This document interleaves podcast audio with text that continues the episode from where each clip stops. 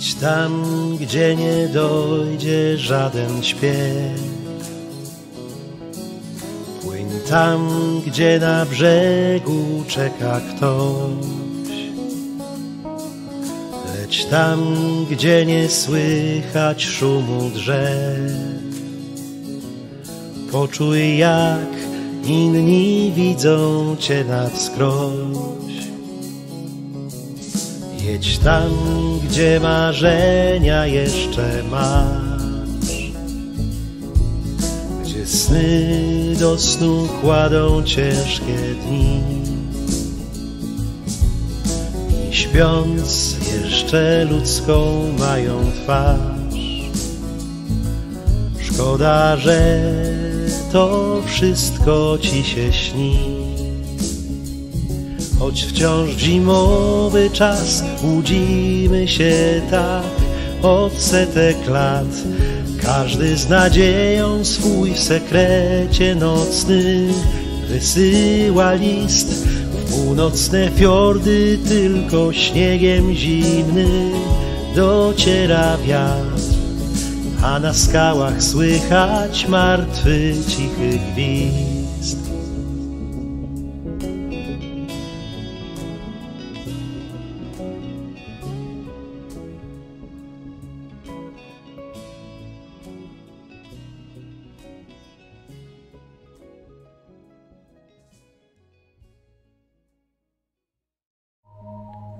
Dzień dobry, dzień dobry, wiewiórki i bobry. Ekipa Imaginarium z kumplem na pokładzie kłanimy, kłaniamy się w pas i wracamy, moi drodzy, na finałowy odcinek naszej trylogii pod tytułem Droga do Rowaniemi.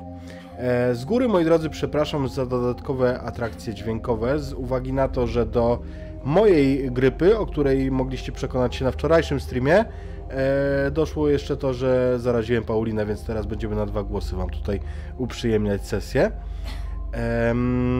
Natomiast, natomiast e, tak e, uprzedzając to, co się stanie i zanim przedstawię moich graczy, przypomnę, że to jest kult, w związku z czym jest to sesja przeznaczona dla osób pełnoletnich i to takich, które lubią takie troszeczkę mocniejsze klimaty. A z nami jest e, Damian Remain.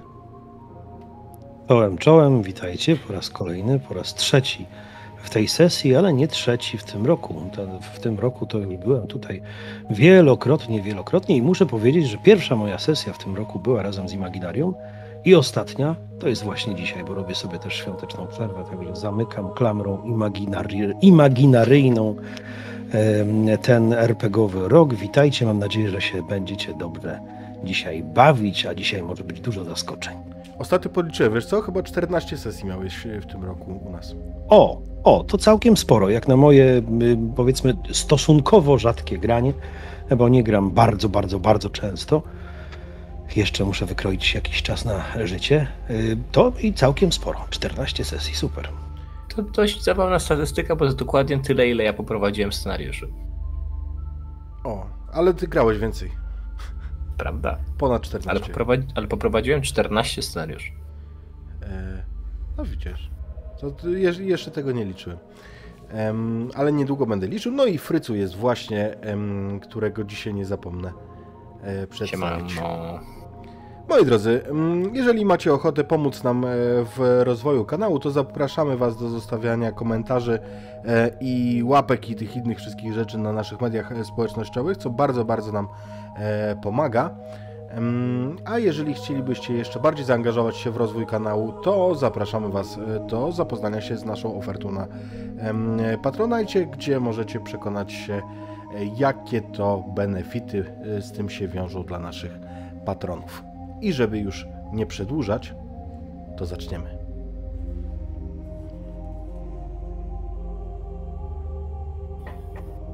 Kocham cię, dziadku. Mówi mały Branko, gramoląc się na twoje kolana, draganie. Ja ciebie też kocham. Branko. Dziadek, a spotkam Mikołaja na pewno? Tak. Przecież tam jedziemy, przez całą drogę jedziemy tylko po to, żeby spotkać Mikołaja. W końcu jest przed świętami i to było twoje największe marzenie, czyż nie? Mm, No tak. Po prostu nie chciałbym, żeby to była jakaś. No wiesz. Bajeczka. Nie ma. Nie martw się. Nie martw się. Tam jest duża wioska Mikołaja, tam na pewno spotkasz Mikołaja, na pewno. Wszyscy spotkamy Mikołaja. Dziadek. A tatuś, jak był taki jak ja, taki mały, to. To jaki on był?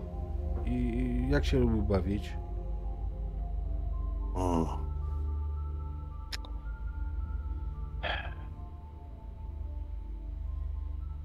Był taki jak ty, to.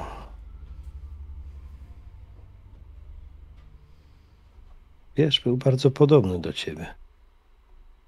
Zadawał dużo pytań. Ciągle je męczył. Ciągle szukał odpowiedzi. A potem. Potem jakoś tak szybko dorósł, wiesz. Aha. Ja też tak szybko dorosnę? Mm.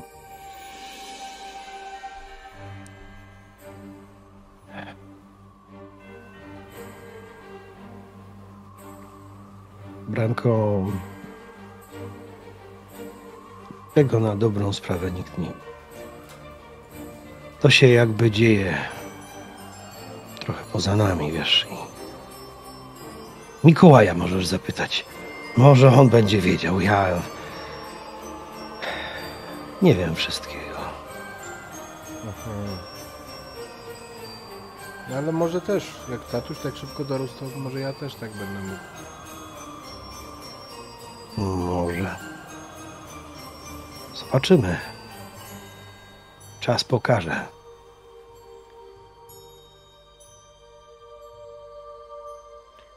I siedzi ci ten mały chłopiec na kolanach. Czujesz, jak, jak e, gdzieś swoje paluszki zaplątał w swoją brodę.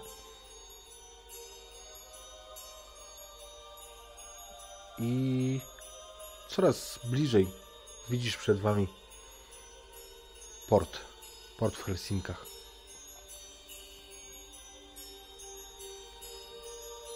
Oczywiście to jest pewien naciągnięcie, bo e, bo z luku e, tego samochodowego, z tego parkingu, no średnio widać pewnie cokolwiek na zewnątrz, ale to nic. Jowan natomiast usypia. Usypia momentalnie i natychmiast po tych przeżyciach, po tym jak skoczył do lodowatego Bałtyku. I teraz, po tym jak się uspokoił, to momentalnie odpływasz. I momentalnie zapadasz w sen.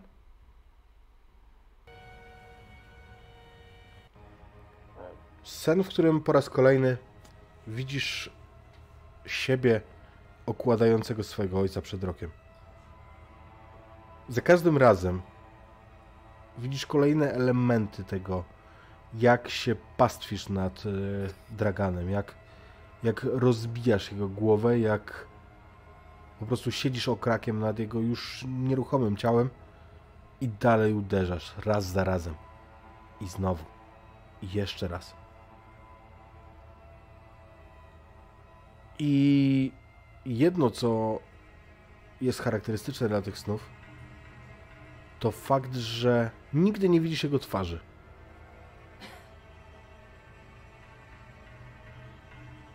Bijesz, widzisz ruchy, widzisz, e, widzisz charakterystyczną czapkę, koszulę, ale samej twarzy nigdy.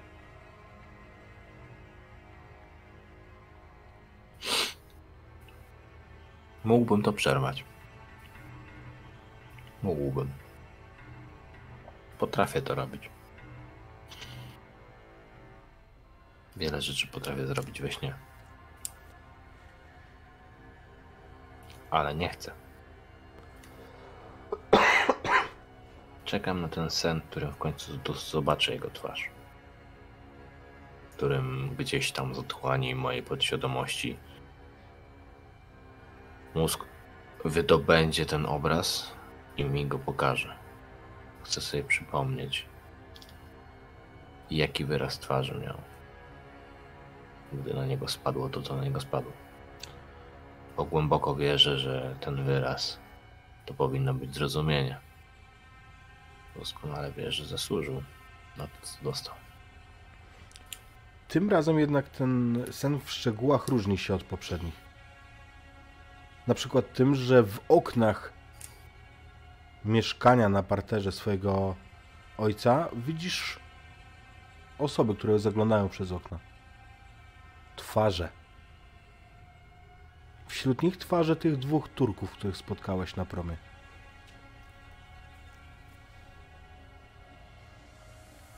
Ale też tej obsługi, która cię wyciągnęła z morza. Mózg sobie wrzuca w takich sytuacjach to, co ma pod ręką, to, co ma w zasobach pamięci krótkotrwałej. No nie ma znaczenia. Zastanawiam się jeszcze. Zastanawiam się, czy nie powinienem zmusić się, wykorzystać swoich umiejętności i, i odwiedzić tych Turków. Dziadek był niedobry, tatusiu? Co, co masz na myśli, Jovan? Y, Branko. Nie, nie, nie, to mówi, y, mówi Branko Okej, do do Jowana Jowana, we śnie. Do Jovana. Okej. Taki był. Mhm. I teraz musisz go ukarać. Tak? To masz, tatusiu, pomogę ci. I wyciąga e, w twoim kierunku rączkę, w której jest tłuczek do mięsa. Nie jest to cię potrzebne. Prawdziwy mężczyzna, Branko, radzi sobie z problemami przy pomocy własnych pięści. Tego nauczył mnie dziadek. Dosłownie. I w praktyce. Mhm. Nie chcę, żeby ci ludzie tu byli. Ty chcesz, żeby, Zasłania. To chcesz, żeby patrzyli? A co to za różnica? Nie wiem, nie lubię ich. On wykonuje gest ręką i nawet nie tyle tam nie, zasłania okno. On sprawia, że tych okien tam nie ma. Widzisz gładką ścianę. Szybko się uczysz, Branko. Tak. A potrafisz zrobić tak, żeby zniknęło coś innego? Mhm. A co ci zniknąć?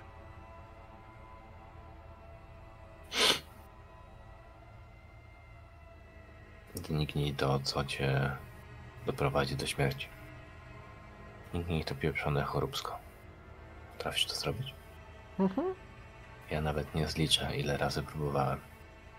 To łatwe. Wy, dzieci, wasza naiwna wiara w to, że pewne rzeczy są łatwe, bo są pozornie nieskomplikowane. Naiwna? Co to znaczy?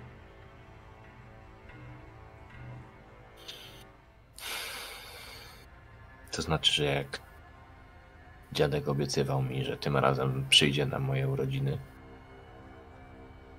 to ja naiwnie wierzyłem, że tak będzie. A potem jedyne, co od niego dostawałem, zamiast prezentów, unoszę teraz zakrwawioną pięść, to to. Aha. No ale teraz ja ci powiedziałem, a nie dziadek.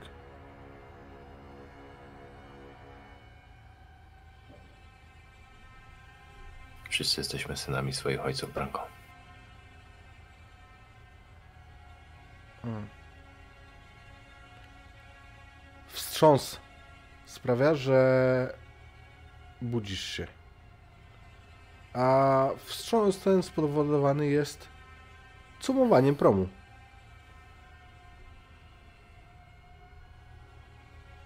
Przybiliście do portu w Helsinkach. Krótko spałem. Branko? Widzisz, że on siedzi z przodu na kolanach Dragana. Branko, jak się czujesz? Dobrze. A ty? Dobrze. Żebyś się nie przeziębił, tatusiu. Ja wam oczywiście kłamię, bo nie ma zamiaru mówić dziecku i tłumaczyć mu skomplikowanego świata dorosłych.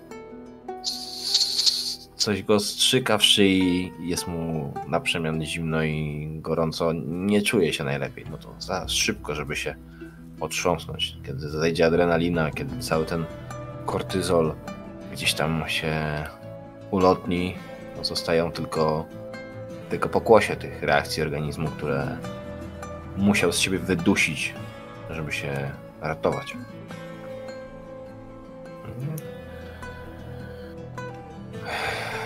No ja poprowadzę. Potrzebuję się czymś skupić. Nie będę protestować, ale najpierw napij się kawy. Przyniosą ci. Może to tylko automat, ale w smaku całkiem dobra. Tak jakby kawa mogła być smaczna. Kawa nie jest smaczna, dobrze wiesz, że ty, jak i ja traktujemy to jako chwilowe lekarstwo. Tak.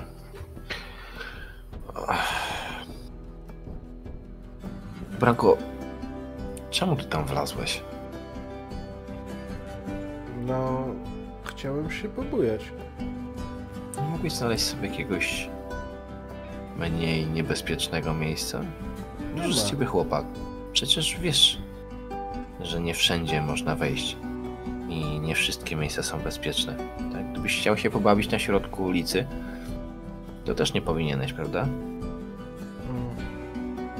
No dobra, Bo jest niebezpiecznie. niech ci będzie, tato. Niech mi będzie. Ach, Dawno mam nie słyszałeś, sobą- żeby on mówił tak pełnymi zdaniami. Jovan nie przyzna tego przed sobą, ale to jest taka myśl, która się gdzieś w jego głowie pojawiła. Myśl, która często w kontekście Branka i Miriany się pojawia. Typowa myśl faceta, który jest bezsilny i nie może nic zrobić. Myśl takiego poczucia osaczenia i beznadziei i, i najszybsze i najlepsze wyjście jest takie, że gdyby mnie nie było, to przecież byłoby lepiej. Ta myśl, gdyby mnie nie wyłowili, to to może małemu byłoby lepiej.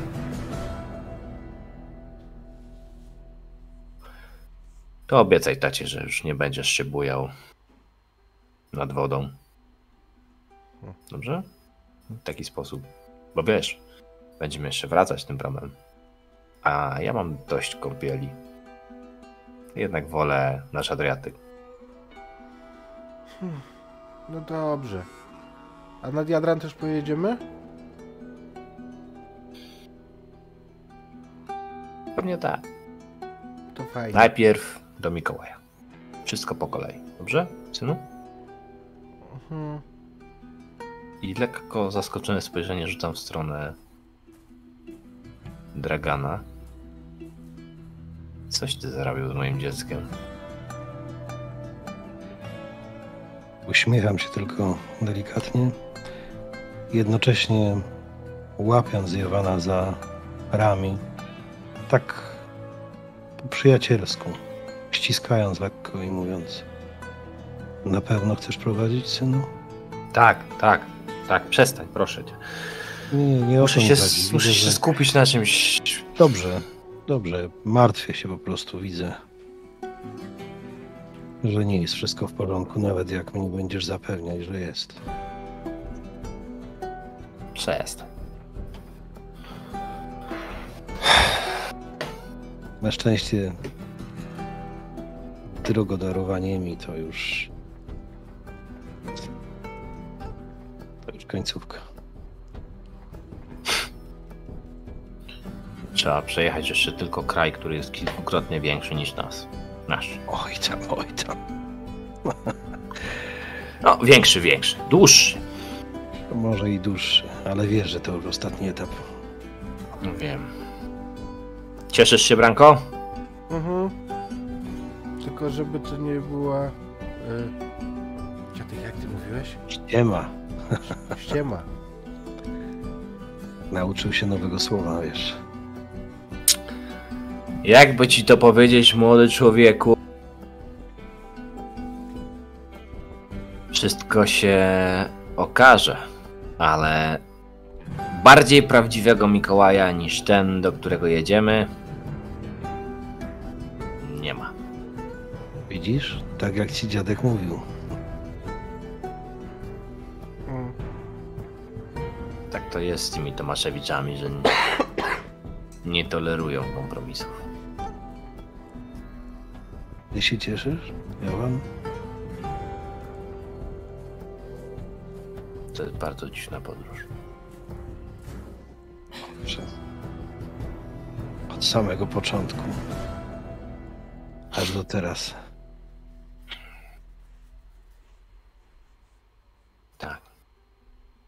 No nic, jedźmy, jedźmy. Zjeżdżam powoli z promu. Wszystkie te formalności zostawiamy ze sobą i po chwili będzie słychać już tylko cichy skrzyp tych wielkich paneli, które osłaniają podwozie, silnik, wnętrze pojazdu. Będziemy się powoli toczyć w stronę centrum Helsinek. No bo mieliśmy coś zjeść. Był taki plan, że Mhm. żeby się zatrzymać jeszcze, żeby coś zjeść, później później już pewnie bez większych przystanków. Kiedy wyjeżdżacie z portu, to waszym oczom ukazuje się przykryte grubą warstwą śniegu miasto, które w bardzo charakterystyczny sposób dominują dwa budynki. Przede wszystkim biała i wysoka, piękna bazylika luterańska, która stanowi swoją, swego rodzaju środek miasta, centralny i najwyższy zarazem punkt i równoważący ją prawosławny sobór e, zaśnięcia Najświętszej Maryi Panny. Poza tym w Helsinkach nie ma wysokich budynków. I one stanowią takie, takie właśnie dwie osie miasta. To sprawia, że teraz, kiedy wyjeżdżacie, miasto s- sprawia wrażenie takiego rozlanego, gdzieś w tej zimie em, po prostu uspanego miasta. Swoją drogą, i to zauważycie na pewno, że jest jeszcze dosyć wcześnie, już zupełnie ciemno. Tutaj na tej na, jakby na tej szerokości geograficznej jeszcze mm, jeszcze nie ma nocy polarnej, ale tutaj dzień jest naprawdę krótki.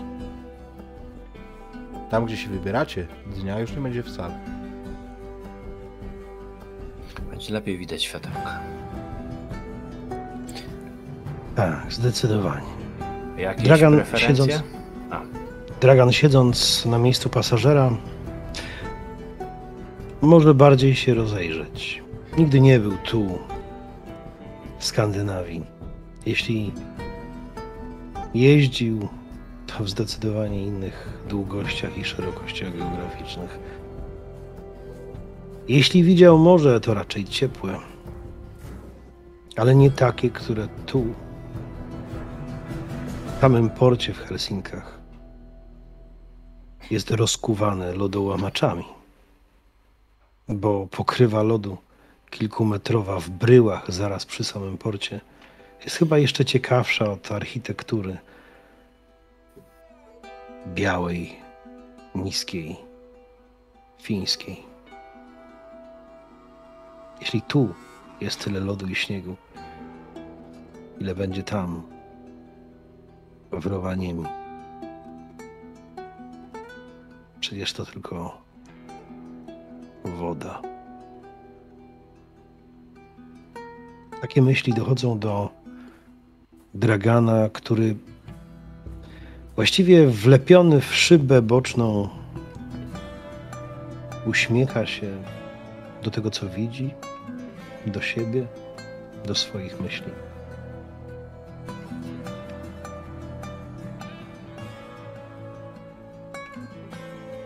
Od razu po zjeździe em, sportu wyjeżdżacie do miasta w miejscu, które okazuje się być dużym targiem, takim tradycyjnym targiem rybnym, ale widzicie, że tutaj jest dużo stoisk, między innymi z jakąś tam, e, z jakimiś e, tradycyjnymi potrawami fińskimi, e, jakimiś zupami i tak dalej. Także jeżeli, jak, tak nawiązując do tego, że chcieliście zjeść.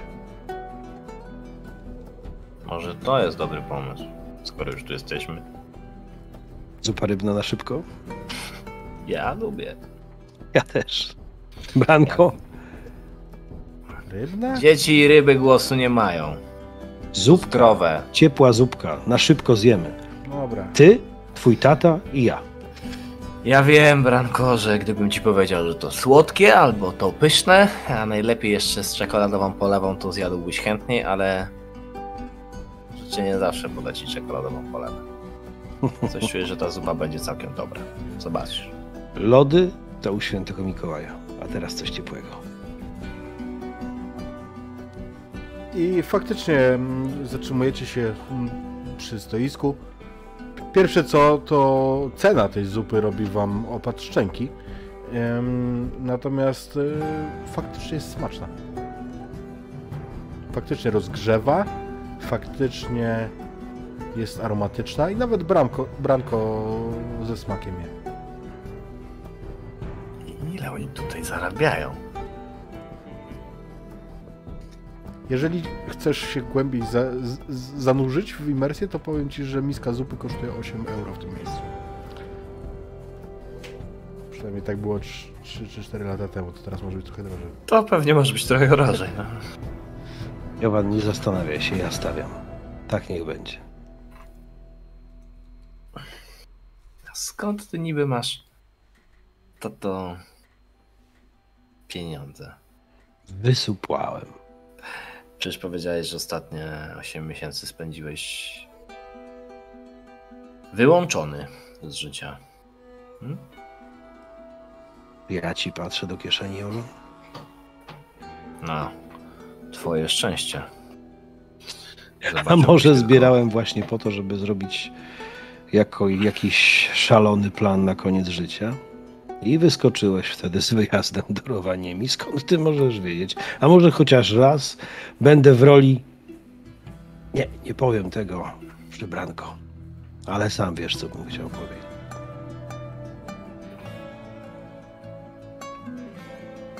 A swoją drogą, Jowan, Pieniądze, może, wiesz, może, może i tu dużo zarabiają, ale czy ty byś chciał tu mieszkać? Rozejrzyj się. W dupsko zimno cały czas. Nie przesadzajmy. Zupa może i dobra, ale... Zaraz po odwiedzinach Mikołaja spadajmy stąd, bo moje stare kości nie wytrzymają takich temperatur. kobiety podobno mają piękne. Ale zimne. I tak daleko im do Słowianek. Zdecydowanie to racja. Taka...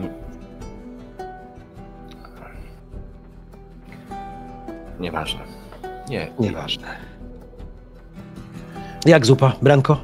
Dobra. Mhm, dobra. Wcale nie czuć, że to z ryby.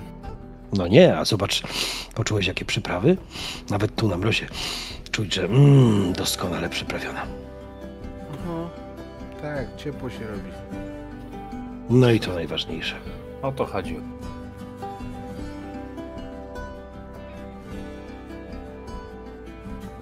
To co? W drogę. Franko,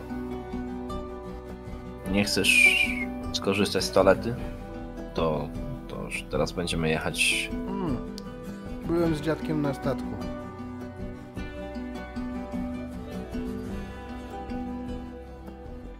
Tak. Dobrze. To chodźmy. Chodźmy i jedźmy. Pomiędzy tymi stoiskami, tymi, tymi straganami. Draganie, miga ci twarz, która przyrzekłbyś, że jest dla ciebie znajoma. Skojarzenie jej zajmuje ci chwilę. I dopiero jak jesteś znowu w em, kamperze, to kojarzysz, że tę twarz widziałeś wtedy w Srebrenicy.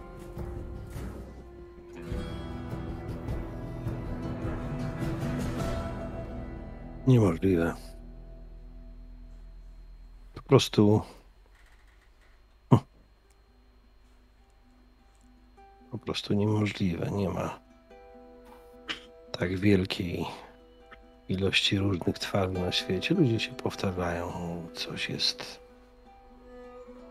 w człowieku takiego, że przypomina innego. Może okulary, może wąsy.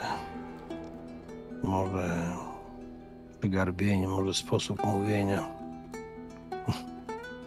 Ludzie są po prostu podobni jeden do drugiego.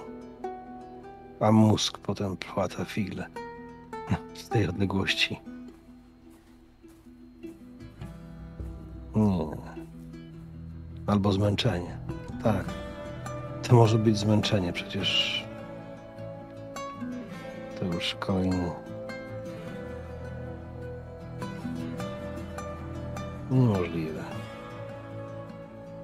Nie tu. Nie.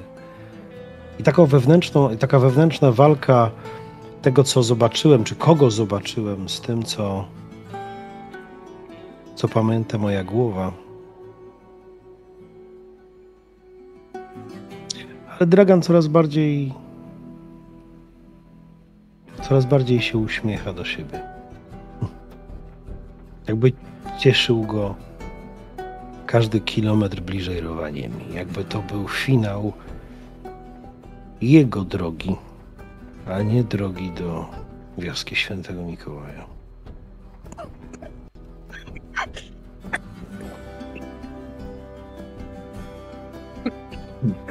Szybko dość zajmuje Wam wyjechanie na obwodnicę e, Helsinek i dalej już na trasę. Myślę, że Dragan kilkukrotnie dostrzeże, że Jowan jest trochę zamyślony, lekko nieobecny i że często zerka na swój telefon. Można byłoby pomyśleć różne rzeczy. Natomiast do Jowana dotarło coś, co się zderzyło z jego założeniem. Jego analityczny umysł przy- przypuszczał, założył i wkalkulował pewne działania po stronie wszystkich osób, z którymi będzie miał styczność albo które będą miały wpływ na tą sytuację. I się pomylił. On nie tylko nie lubi się mylić, ale też rzadko to robi i tym bardziej wtedy jest wybity z rytmu. Bo Miriana wcale nie dzwoni tak często, nie próbuje się do niego dobić, nie zareagowała tak panicznie i Nawet nie, yy, tylko sprostuję. Nie, nie jest tak, że ona nie dzwoni często. Ona w ogóle nie dzwoni. I to, to kiedy sobie to uświadomił, to próbował jakby gdzieś tam dawać czas temu, że, to, że, że musi przecież jakoś chwilę to potrwać, zanim ona się zorientuje, że może zanim się zorientują, że wyjechaliśmy z kraju, że no, zawsze jest jakieś wyjaśnienie. Ich mnóstwo można przedstawić, kolejne i kolejne i kolejne, ale w pewnym momencie człowiek zdaje sobie sprawę z tego, że się tylko szukuje i pojawia się takie drążące bardzo głęboko pytanie: dlaczego? On Draganowi na pewno nie umknie, bo zna swojego syna.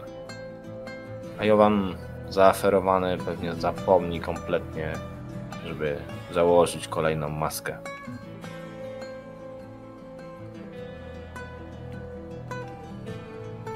Czemu ciągle patrzysz w ten telefon? Dlaczego matka nie szuka swojego dziecka? Nie zadzwoni. Dlaczego? To, się, to, jest, to jest ani do niej niepodobne, ani do żadnej innej kobiety, jaką znam. To się kompletnie wyłamuje ze schematu. To, to nie powinno tak wyglądać.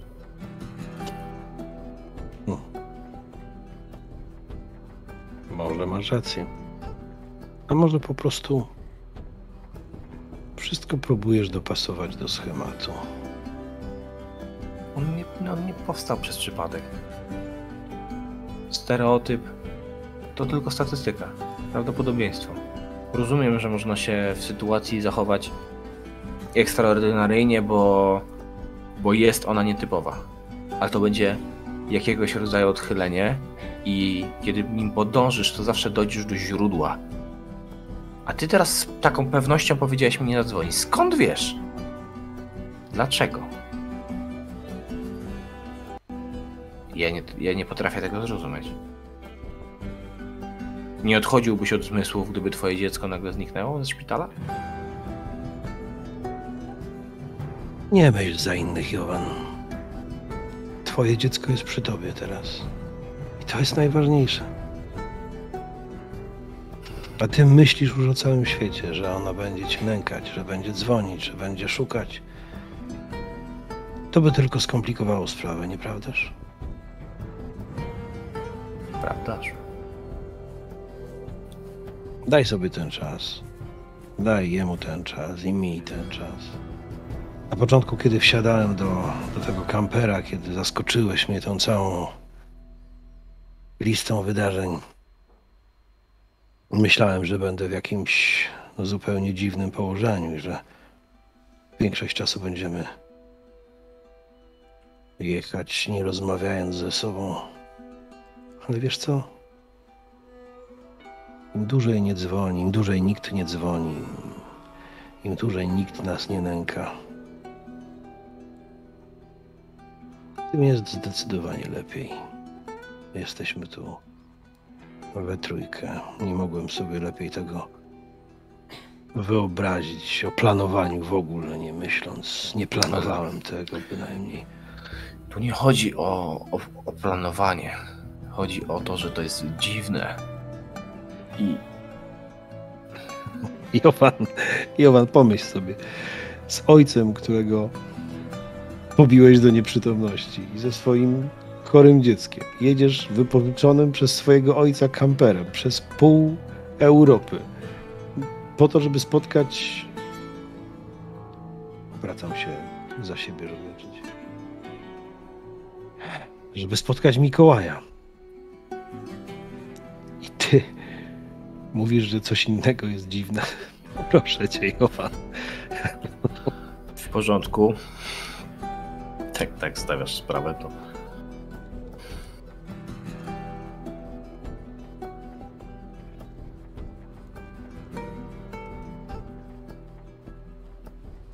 Nie. Może chciałem wywołać jej reakcję. Nie wobec baranka. Wiem. Wszystko jest nie tak, jak twoje plany mówiły wcześniej, co? Wszystko jest nie tak, jak moje pieprzone plany. Już sobie założyłeś, co będzie po spotkaniu Mikołaja. Dzień, kolejny dzień, następny dzień, tydzień, miesiąc. Kiedy jej to wykrzyczysz, kiedy nawet mi nie mówiłeś, co będziesz chciał robić dalej. Zwiewać stąd, jechać gdzie indziej, ukrywać się, zmienić nazwisko. Zmienić nazwisko. Nie. Odwieźć dziecko do matki. A potem...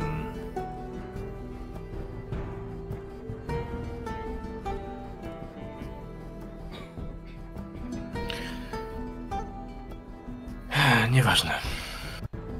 Ważne. Kiedy musisz wrócić z powrotem do pracy?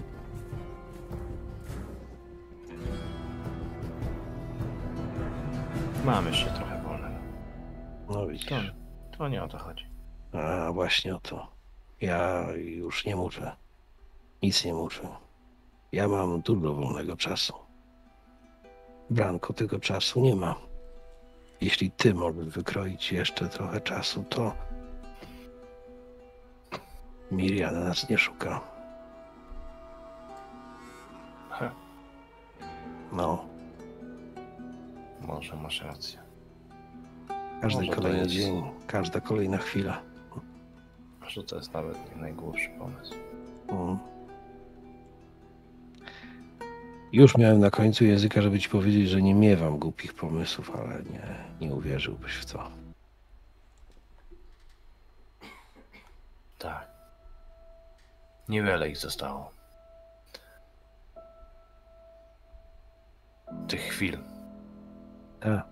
nie pomysłów, bo w to akurat nie wątpię. Autostopowiczkę widzisz już z daleka, pomimo tego, że jest ciemno, a droga nie jest wcale jakoś dobrze oświetlona, to już z daleka widzisz, gdzie stoi. Najwyraźniej doskonale wybrała miejsce do łapania okazji. I również z daleka ją rozpoznajesz, pomimo tego, że teraz ma na sobie zimową kurtkę, taką przedłużaną, która e, która niemal do kolan zakrywa jej e, nogi. Ma teraz e, kaptur na głowie, spod którego e, wystają blond włosy. Ale od razu poznajesz, że to jest Aisha. Że to jest niemożliwe. Nie gadaj, że jest niemożliwe, po prostu się zatrzymaj, wpuści mnie do auta. Hmm. No ale ona musiałaby tutaj przylecieć. To, to, to jakby to się kompletnie. I, No. i, i, I Jowan się łapie właśnie, właśnie na tym, że to jest kolejny raz ten sam schemat. Kiedy świat nie odpowiada temu, co on założył, i jemu się to wszystko kruszy. E, Więc spogląda się w stronę Dragana, potem zerka na tą dziewczynę, która stoi na poboczu drogi w jakimś kompletnie abstrakcyjnie absurdalnym sytuacji. W zimowej kurtce, śnieg. Jaki autostop?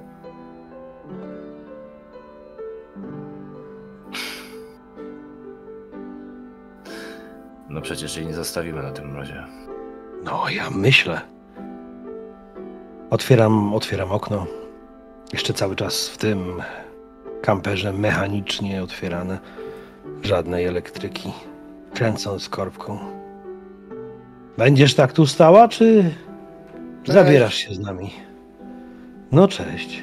Z uśmiechem e, otwiera drzwi z tyłu, tak żeby wejść od razu na, e, do, do tyłu kampera. No, już myślałem, że się nie zatrzymacie. Jak to nie? Przecież wiedziałeś, że będziemy tędy jechać. Aisha! Branko, Branko witał jakby e, witał się z przyjaciółką albo siostrą. Powinienem cię zapytać, co tu robisz, Okazję ładną. ale umówiliśmy się na coś.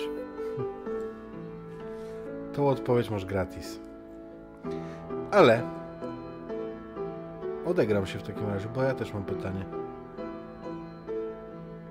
Odpowiedziałeś sobie już, ile byś dał za jeszcze dzień życia?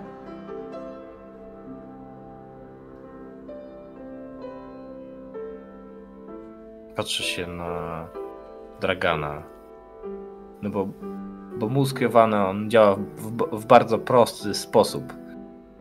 Schematyczny to jest akurat dosyć dobre słowo, ale on działa bardzo szybko, natomiast ten proces jest za każdym razem powtarzalny, wycyzelowany, dopracowany.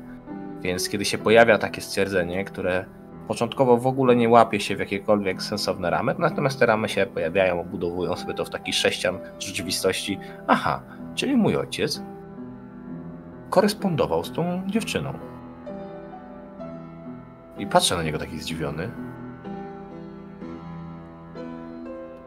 Tego nie rozumiesz.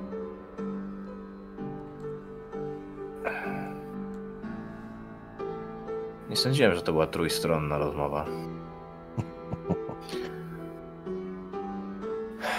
Nie ma chyba takiej ceny, co? Chyba nie ma.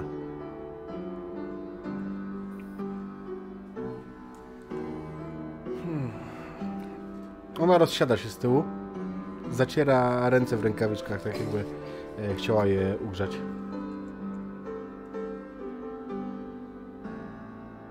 Podjechałabym z wami kawałek, nie wiem. Może. Może do Raumy? A może do Oulu? Jedziemy. Może po prostu pojedziesz z nami prosto do Rowaniemi. No co ci szkodzi? Tylko kawałek, Co mi szkodzi? prawda?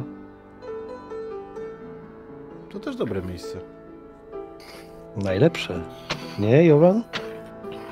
To się jeszcze. To się jeszcze okaże, ale.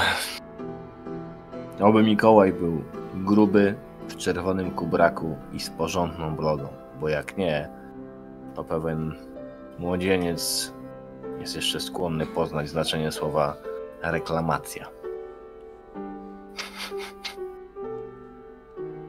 Mikołaj będzie dokładnie taki, jak będziesz chciał. To jest niewiarygodne. Co się dzieje? Pićku mater.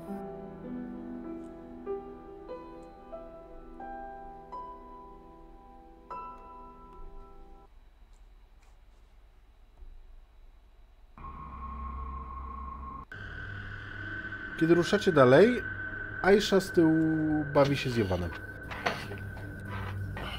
W niego wstępuje jakiś w ogóle demon. On y, gania, wskakuje na, na to swoje łóżko, y, przewraca rzeczy. Świetnie się bawi. Świetnie i bardzo żywotnie. I to jest bardzo taki moment, w którym od razu odpala się kolejny z protokołów w, w, w, głowie Jowanu. On jest jak taki komputer. Rzuć daną A, wypluje reakcję B i to jest bardzo przewidywalne. Więc natychmiast pierwsze co to od razu chwyta się yy, gdzieś tam deski rozdzielczej, żeby się odwrócić i upomnieć syna, że nie wolno mu skakać. Nie powinien, bo jest chory, a potem patrzy na jego uśmiechniętą twarz, na tą dziewczynę, która jest przecież taka piękna i. I no to musi być jakiś niezwykły przypadek, że na siebie znowu trafiliśmy, ale Jowan się z nią chyba. Znaczy, Jowan yy, swoją drogą, ale Branko się polubił, więc. Skoro się cieszy, to już.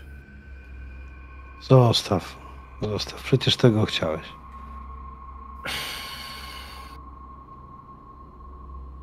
A mówi się, że starego psa się nie da nauczyć nowych sztuczek. A ja mam wrażenie, że się nauczyłem więcej przez te parę dni niż przez całe życie. jak ci to mówiłem parę dni temu, to nie chciałeś mi uwierzyć. Tak, Że- i to samo w sobie już jest dość denerwujące, wiesz? Wiesz, denerwujące to jest to, że jestem po prostu, że zawsze będę kilka kroków przed tobą, ale nie w mądrości, tylko po prostu w życiowym doświadczeniu. Anko, no co chcesz? Jedziemy do Mikołaja, spełniasz jego największe życzenie. Się cieszy. A poza tym, no, poza tym przecież sam chciałeś, żeby żeby zniknęła jego choroba, nie? Martwię się o ten sprzęt. To starość. No, udało się to załatwić. Ale. Dobra, niech się jeszcze chwilę pobawi. Skoro już pracuję na order ojca roku.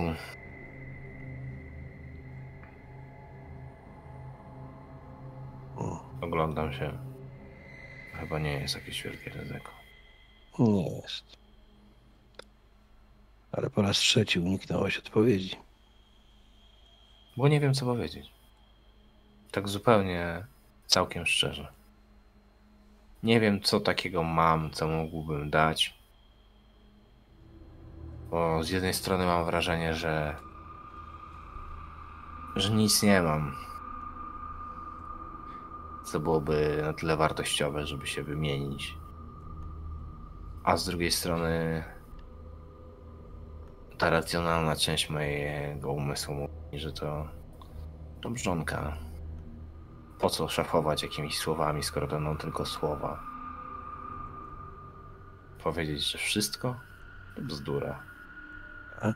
Uważa, że to bzdura? To Dobrze po, co to po co skakałeś za burtę? Jak to po co? Po dziecko. Rzuciłeś tam dosłownie wszystko. Do lodowatej wody, z której nie ma tak naprawdę dobrego wyjścia. Jeśli to wszystko to jest to mizerne życie, które się przede mną klaruje. Jak zapytałeś o te moje plany, a propos powrotu i tak dalej. To tak. To jest wszystko, które mógłbym oddać, bo jest jednocześnie niczym. Jest wszystko. wartościowym. To nieprawda, Jowan. Dla mnie, dla mnie twoje życie nie jest niczym. To jest dosyć zabawne, prawda? Mm, Że najczęściej w takich sytuacjach ludzkie życie ma większe znaczenie nie dla tego, kto je nosi, tylko dla tego, kto z boku na nie patrzy. dokładnie tak. Wszyscy wtedy patrzymy i myślimy sobie, o, Jowan Tomaszewicz. Szczęśliwy ojciec. No, co prawda, życie go doświadczyło, ale przecież ma ręce, nogi, pracę. Dziecko jest chore. No, ale to nie jest jedyna ze ścieżek. Wszystko się nie zamyka. Ma przed sobą perspektywy, przyszłość, młody, zdolny. Pierdolenie. Takie doszczętne, wiesz? Ludzie kurwa nie mają pojęcia. Siedzą w tych swoich ograniczonych klatkach, które nazywają dobrym samopoczuciem, kurwa pilatesach, jakichś medytacjach, jedzą te swoje wegańskie frykasy i wydaje mi się, że kurwa poznali tajemnicę tego, jak żyć dobrze i jak żyć... Wszystko to jest nic nie warte. Wszyscy i tak zgnijemy. Nie fart chce tylko, że akurat dzieciak będzie pierwszy. To po co skakałeś za burtę? Widzisz, Jowan, wszystko, o czym powiedziałeś przed chwilą, mógłbym się pod tym podpisać. Można by powiedzieć, Dragan Tomaszewicz, człowiek spełniony. Ma już swoje lata, ale bogate życie za sobą. A teraz spełnia się jeszcze bardziej. Pożyczył kampera od swojego dobrego znajomego, który bez mrugnięcia okiem mu go dał. Po to, żeby ze swoim synem, z którym miał ciężkie relacje, móc się pogodzić w ciągu kilku dni i zawieźć wnuka do świętego Mikołaja na kilka dni przed Bożym Narodzeniem. Czyż nie ma szczęśliwszego człowieka, żeby taki prezent zrobić i sobie, i swojemu synowi, i swojemu wnukowi? Tak z boku na to spójrzmy. Szczęście A to rzeczywistość. A rzeczywistość sam wiesz, że jest inna. Dużo bardziej chropowata i, i bolesna.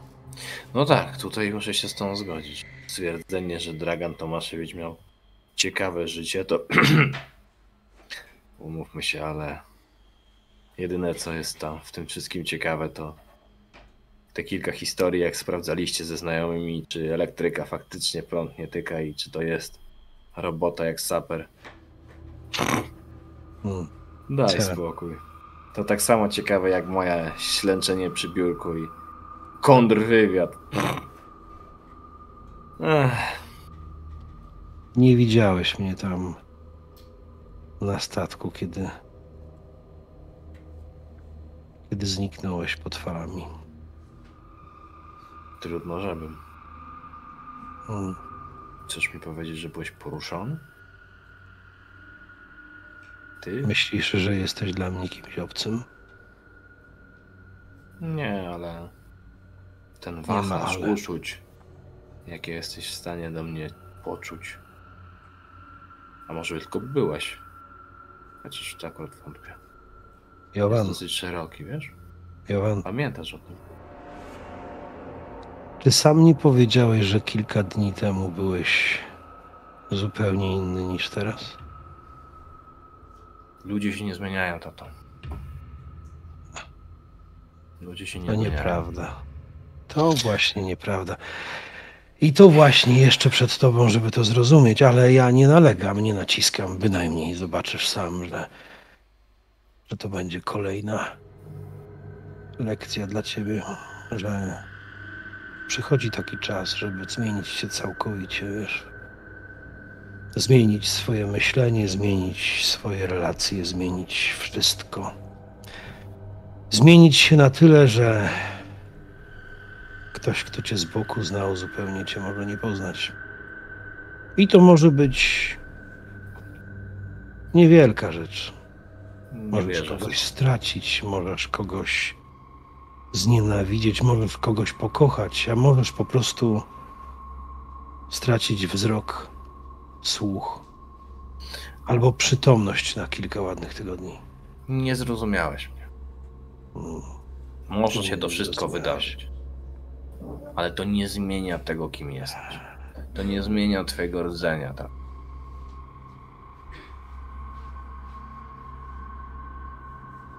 Ludzie ewoluują i adaptują się do sytuacji, bo tak stworzyła nas ewolucja. Jesteśmy zwierzętami, O, ale tak jak każde zwierzę, mamy też swoje głęboko zakorzenione instynkty.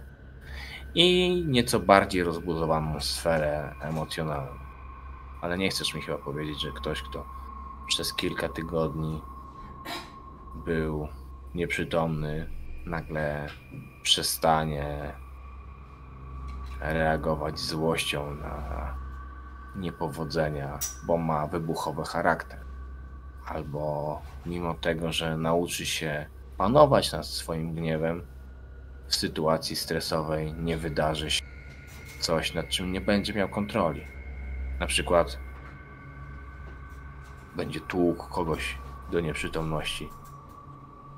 Mimo tego, że nie powinien tego robić i przecież jest świadomy. To dlaczego się nie powstrzyma? Wszystko można przekierować, wiesz.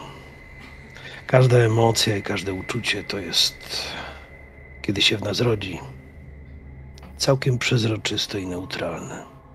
Gniew sam w sobie, synu, nie jest zły. Kiedy przeradza się w agresję, no, wtedy ma już swoje konsekwencje, ale gniew,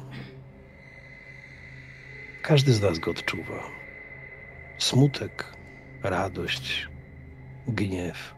To są rzeczy, które nas są i są przezroczyste. Wystarczy po prostu umieć je kontrolować i umieć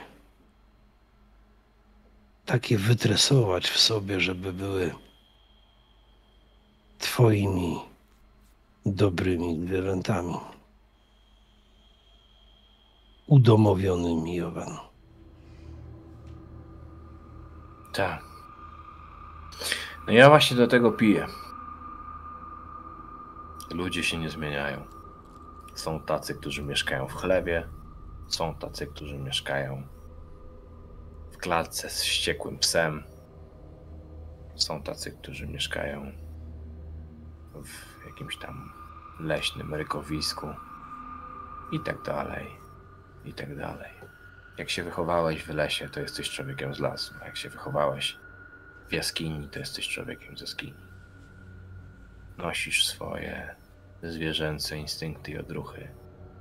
Tak jak cię ukształtowała biologia. To się nie zmienia. Choćbyś nie wiem jak chciał.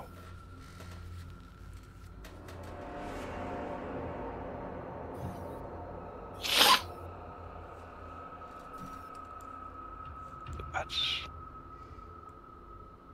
W międzyczasie orientujecie się, że Branko usnął na kolanach Hejszy. Posłuchaj. Ja się tak odwracam nagle, przerywając tą rozmowę z Draganem. Może nawet nieco nieelegancki sposób, ale my obaj mamy dosyć mocne stanowisko. A Johan nie lubi, kiedy nie przyznaje mu się racji. Przywykł do tego, że wszyscy się z nim zgadzają, bo zawodowo zajmuje się tym, żeby mieć rację, żeby mieć jak największą szansę na skuteczną i efektywną ocenę sytuacji. Nie chcesz się z nami zabrać z powrotem? Nie znajdę nigdzie kogoś, przy kim on tak uśnie. Może. Czemu nie? Kawał drogi. Rozważałaś karierę niani na pełen etat? Nie. Raczej nie. Szkoda. Niania, Dawno nie widziałem, żeby ktoś go tak ululał. niania dość stacjonarnie siedzi w jednym miejscu. To chyba nie dla mnie. Ty z tych wolnych duchów, co to nie mogą usiedzieć zbyt długo. Myślę, że droga oczyszcza, wiesz?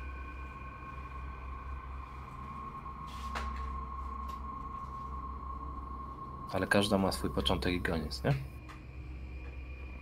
Uważasz, że to są najważniejsze punkty tej drogi? Ja uważam, że nie. Że najważniejsze jest to, co pomiędzy.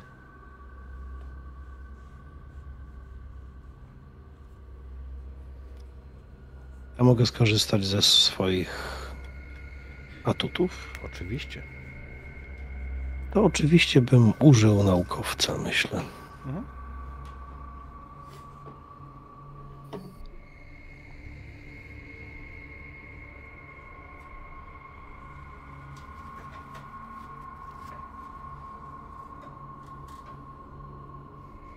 To mamy 11. Okej, mm, więc mamy sukces z komplikacją. Jop.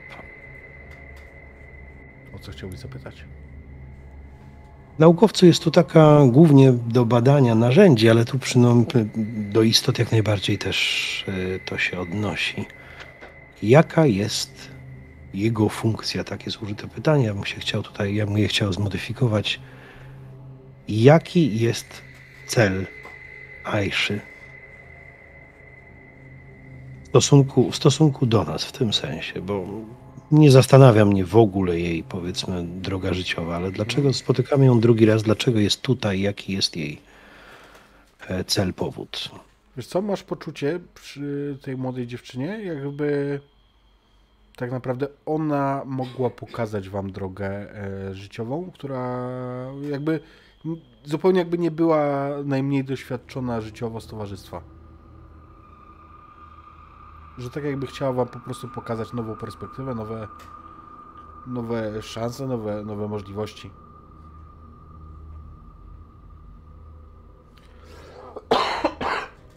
To trafiła na dość oporną materię. No, czując to po prostu, zadaję jej pytanie wprost. No myślę, że, że skoro, skoro jej się tak przyglądam, bo odwracam swoją, od, odwracam się, mogę, nie kieruję, więc odwracam się do niej. Dłuższy czas się jej się przyglądam z takim uśmiechem, który mam przyklejony od dłuższego, od dłuższej chwili. I zadaję jej pytanie, które Jowan na pewno słyszy, w końcu siedzi obok, ale może być zupełnie dla niego niezrozumiałe. Jesteś tu bardziej dla mnie czy dla niego? A po co miałabym być bardziej dla któregoś z was? Hmm. Obaj zasługujecie. Tak, Co ty? Ja jestem tutaj bardziej dla drogi. Tak myślałem. Tato. Przestań. Co? Młoda dziewczyna. To znaczy, że ja nie mogę już z nią porozmawiać? No, wybacz, no proszę cię. To, że mam swoje lata, to znaczy, że mogę porozmawiać tylko z kioskarką o tym, czy, o, czy, czy Najnowszy numer czasopisma przyszedł. Jowan, widzisz coś na drodze przed wami. Nie, nie na tyle, że musisz hamować awaryjnie, ale widzisz, że na drodze przed wami wylazł na środek renifer. Zwalniam. Pierwszy renifer, jakiego widzisz, więc to jest dla was obu gdzieś takie magiczne doświadczenie. Swoją drogą to tępe bydle jest, więc on po prostu stoi w, oświetlony reflektorami i patrzy, co to jedzie. No i głupio mi się pytasz, zobacz. Zapytałem we właściwym momencie. Bardziej dla mnie, czy dla ciebie? I okazało się, że dla drogi. Zobacz, żebyś tego nie zauważył, to byśmy obaj się władowali. A tak, patrz. Pierwszy renifer. Jeszcze do kilku odliczymy i będziemy mieli cały zaprzęg i potem... Ja do niej nie pisałem. To skąd niby wiedziała o naszej rozmowie?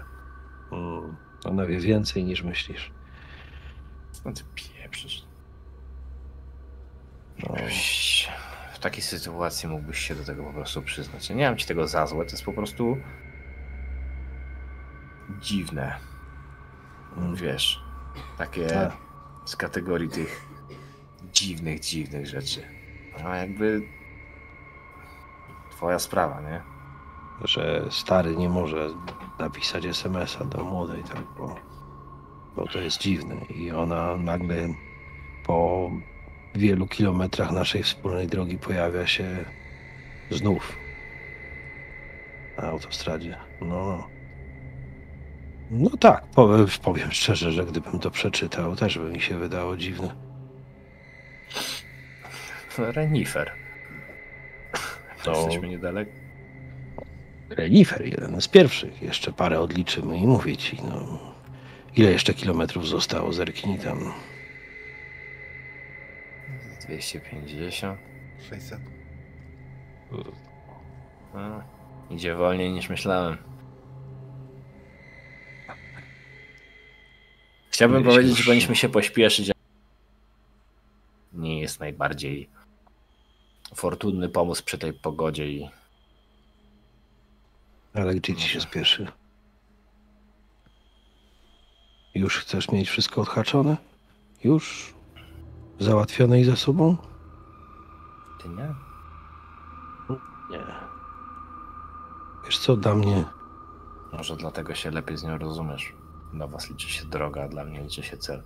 A, tak, pewnie tak. A, wiesz, myślę, że ta droga jest ważniejsza niż ci się wydaje.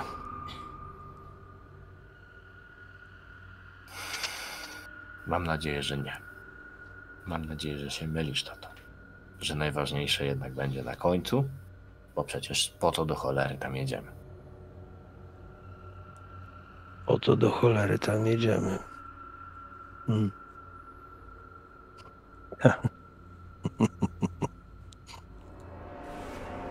Tak.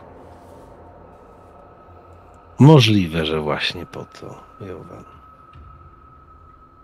Możliwe.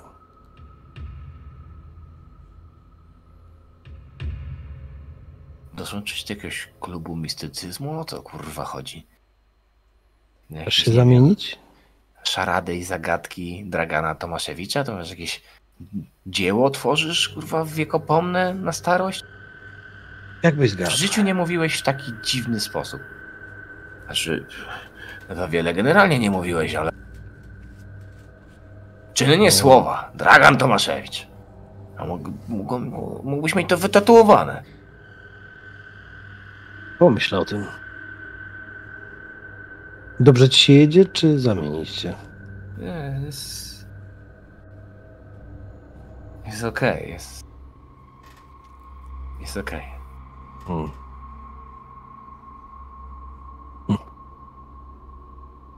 Masz jeszcze tej kawy? Tak, tak, jak najbardziej. Zrobię ci jeszcze naleję ci. I sięgam po, sięgam po termos, który, który jest obok mnie. Wyciągam, nalewam powoli, bo jednak droga nie jest tutaj super idealna.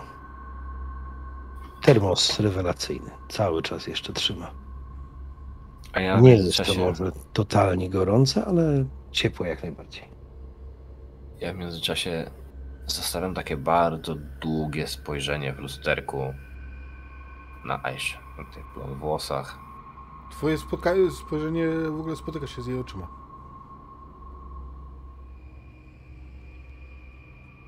Jest tam gdzieś nuta takiej zazdrości wobec Dragana, jest tam nuta takiego zawodu, że nie odpowiedziała na jego pytanie bardziej jednoznacznie w stronę Jowana.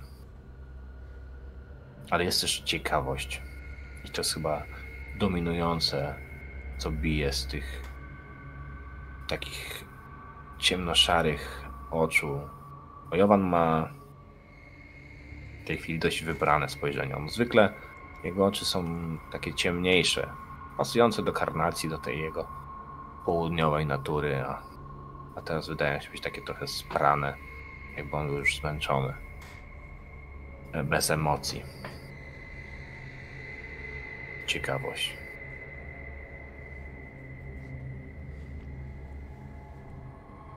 Ona nie, nie, nie, nie przerywa, wiesz, kontaktu wzrokowego z tobą przez to lusterko.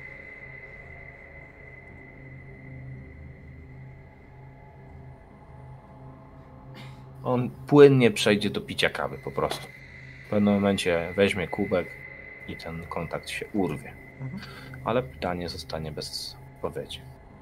Co tu robi ta dziewczyna?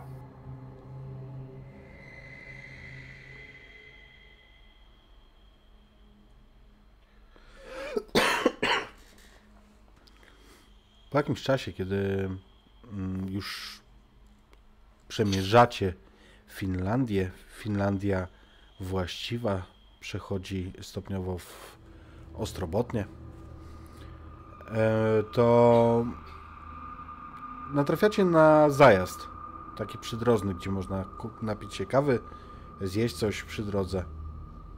Fakt faktem, że od poromu nie robiliście postoju. Zjeżdżasz, Iwanie? Pytam. Potrzebujesz się zatrzymać? Wiesz co, trochę świeżego powietrza dobrze nam zrobi. Możemy się zatrzymać jak najbardziej. Aisha, Hmm? chcesz, żebyśmy się zatrzymali?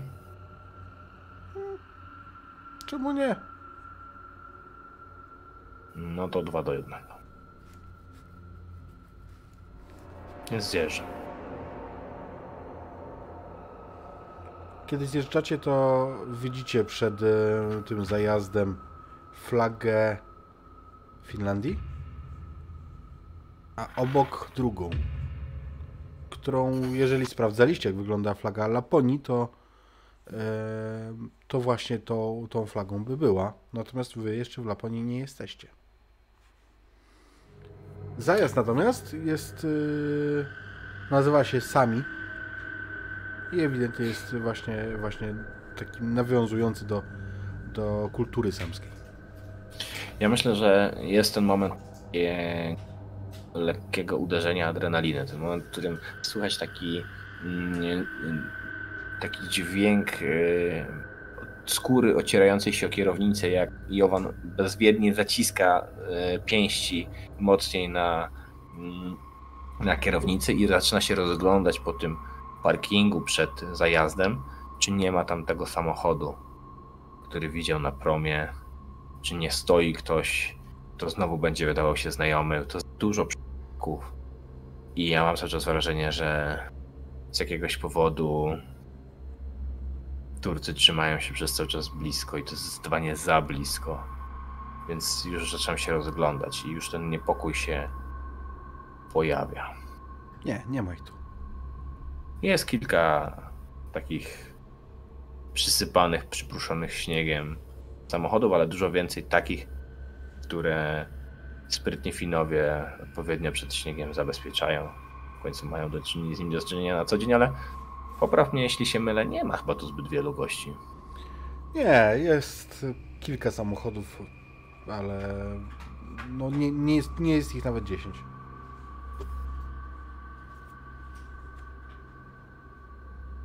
jest ich nawet 10. Chcesz coś zjeść? Czy to tylko higieniczna przerwa?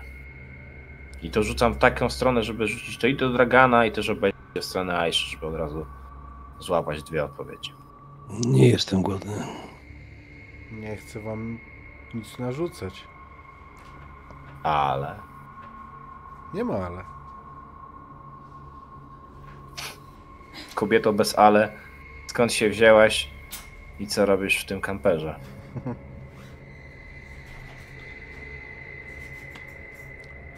Ona odkłada Branka, który śpi. I podchodzi do, do drzwi kampera. Jakiś pomysł na regionalną przekąskę? Tato?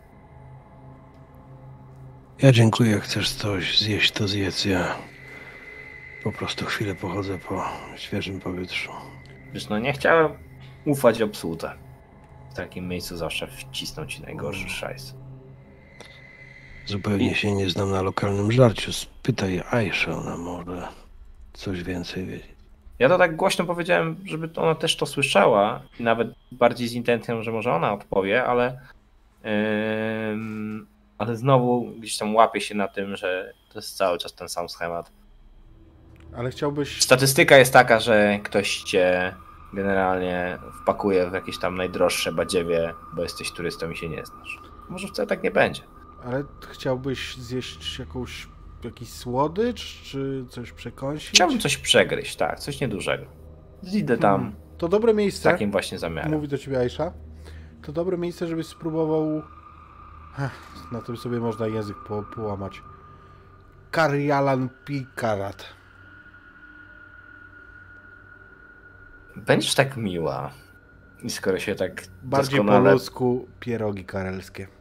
To ona gestykulując tłumaczy, to takie trochę drożdżówki, tylko że z ryżem w środku. Z ryżem? Mhm. Skąd tu do cholery ryż? Nie wiem, ale tradycyjnie to tak jedzą. Piku... Pierogi karelskie. Karjalan Pirkarat.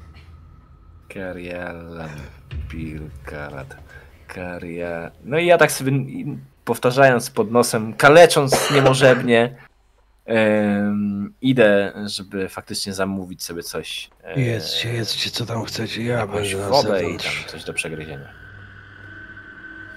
Mogłeś mieć wrażenie, że Dragan mówi jakoś ciężej, jakby był rzeczywiście zmęczony chyba podróżą. Ale wyraźnie, wyraźnie jest e, przez ostatnią godzinę garbił się, mówi zmęczonym głosem, łapie ciężko powietrze i mówi idźcie już, idźcie. Jeszcze kawał drogi przed nami. Ja natomiast chciałbym taki ruch wykonać z pewnego rodzaju premedytacją. Znaczy, dziwi mnie ta relacja Aiszy i Dragana, więc chciałbym pójść, zamówić coś, ale tak stanąć, żeby przez okno widzieć i jego, i ją, dopóki będą w pobliżu i będzie to możliwe. Czy oni będą ze sobą rozmawiać, czy nie?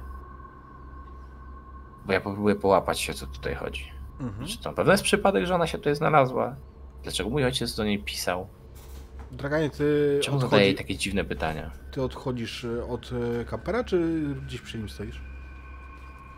Odchodzę kawałek y, od kampera, widzę, że jest jakiś słup, lampa. Opieram się o nią. Łapię powietrze ciężko. E, więc widzisz, Jowanie, że Aisha nie podchodzi do Dragana. Ona jest, jest wcho- wchodzi do tego zajazdu tak jak ty. Znowu coś, co jest wbrew założeniu. Kiedy wchodzisz, widzisz, że pod sufitem jest telewizor, który nastawiony jest na e, anglojęzyczne wiadomości. Dowiadujesz się z niego, że w Antalii w Turcji doszło do bestialskiego mordu.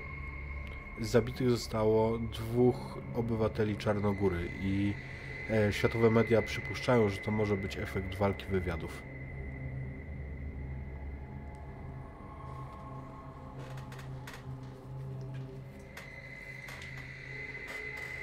A teraz pogoda. W Antalii mamy dzisiaj chłodny dzień, zaledwie 19 stopni.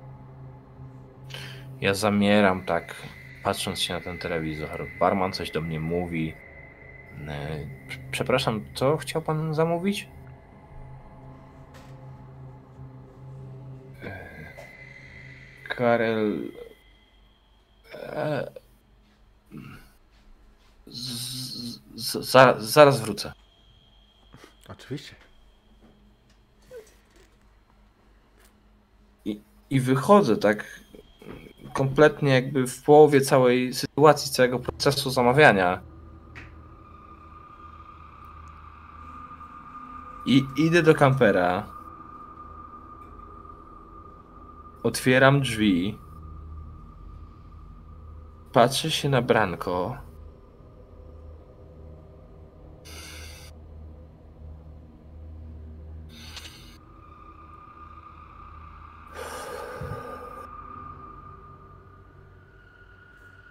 Zamykam drzwi.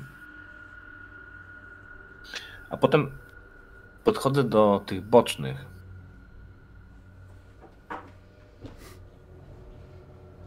I wyciągam swój plecak.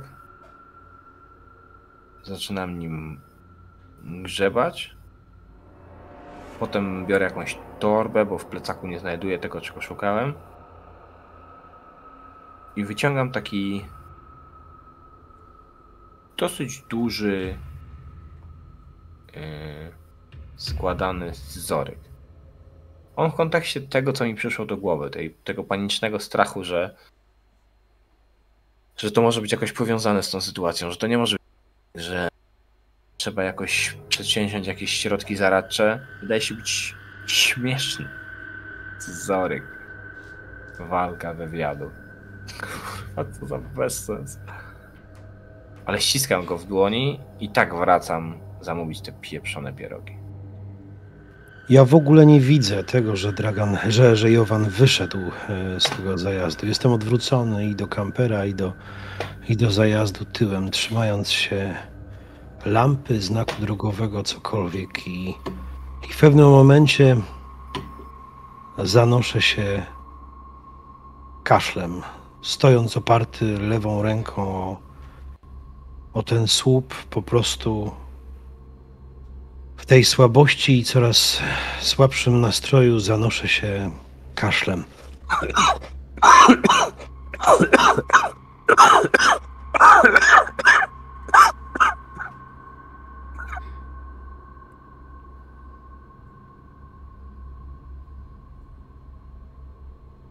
Po chwili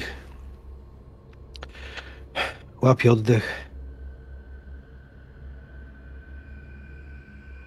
Prostuję się.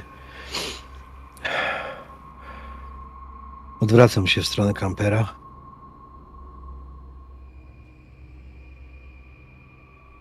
Ale wszystko, co działo się z Jowanem, musiało być w trakcie, kiedy byłem odwrócony tyłem. Opieram się dłońmi o maskę, jakby spoglądając przez przednią szybę do środka. Mhm. Widzisz tam śpiącego Branka.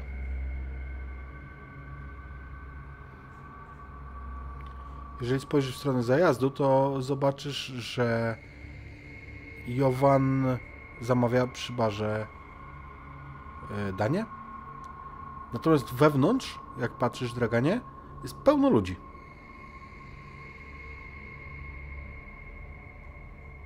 Cała masa.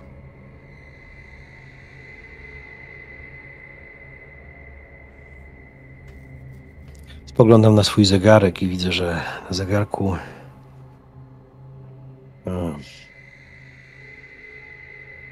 chyba się zepsuł. Bo przed.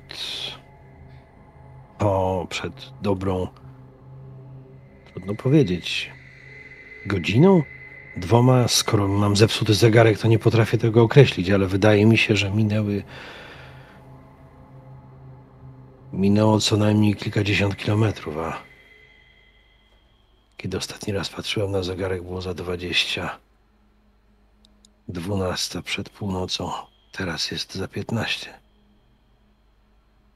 Coś wyraźnie jest nie tak. Stary, wysłużony zegarek. Sprężyna może poszła. Ale nie mogłem się przyzwyczaić do tych nowych elektronicznych pomysłów. Sekundnik idzie tak bardzo wolno, tak ślamazarnie. Jakby. Jakby to wszystko zwolnił, ale nie, nie zwalnia. Patrzę jeszcze raz do zajazdu. Tam jest ruch. Tam ludzie zamawiają, śmieją się, tam grzeją się, bo tu faktycznie wyjątkowo zimno. Branko śpi. Jowan zanosi jedzenie. Sekundnik jest 15, prawie 16. Zimno, sople pod samochodem widać. Chwilę wystarczyło się zatrzymać. Branko śpi, nie widzę Ajszy. Jowan je. Niewiele samochodów na parkingu. To stąd, skąd tyle ludzi w środku? Czuję się słabo. A jeszcze wytrzymam. To jest. To jest w końcu droga do Rowaniem. Moja droga. Jowana zresztą też. Branka w pewnym stopniu też i, i, i tej całej Ajszy. Patrzę w okno zajazdu. Jowan chyba już kończy. Mam nadzieję, że kończy. Branko, nie widzę to może dlatego, że zaparowały szyby. Albo go nie ma w środku, albo po prostu szyby są zaparowane. Sople z samochodu zwisają z boku. Chyba mróz jest coraz większy. Ajsza, nie wiem, gdzie jest Ajsza. Dziesięć samochodów. Nie, już dziewięć. W którymś momencie musiał odjechać ten niebieski Chevrolet. Zimno mi w palce. W tym momencie po drugiej stronie szyby widzisz na zaparowanej szybie właśnie jak się, wiesz, pojawia rączka, która czyści tę szybę i to, co naparowało, zgarnia i widzisz Branka po drugiej stronie. O, Obok, tam gdzie jest jeszcze e, zaparowana, ale już się mrozi.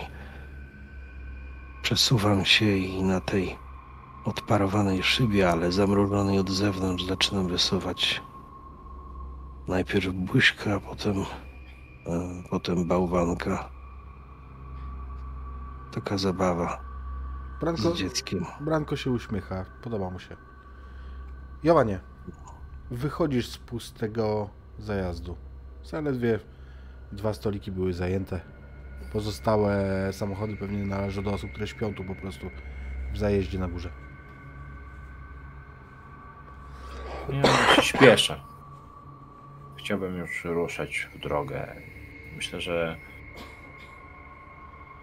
że nie ma co czekać.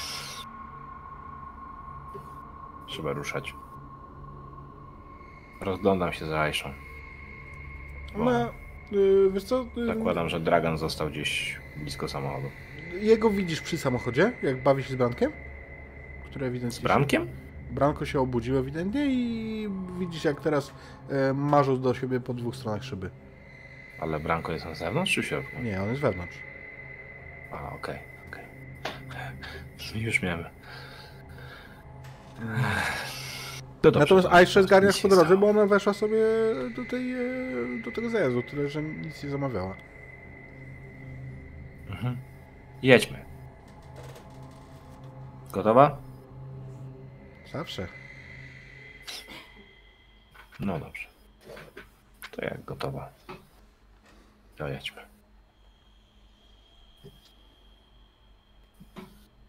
Wszystko Chodzę do samochodu. Mm, Wiesz co, słabo się czuję. Musiałem chyba się przeziębić trochę. I widzisz, że na czole dragana pojawiły się krople potu.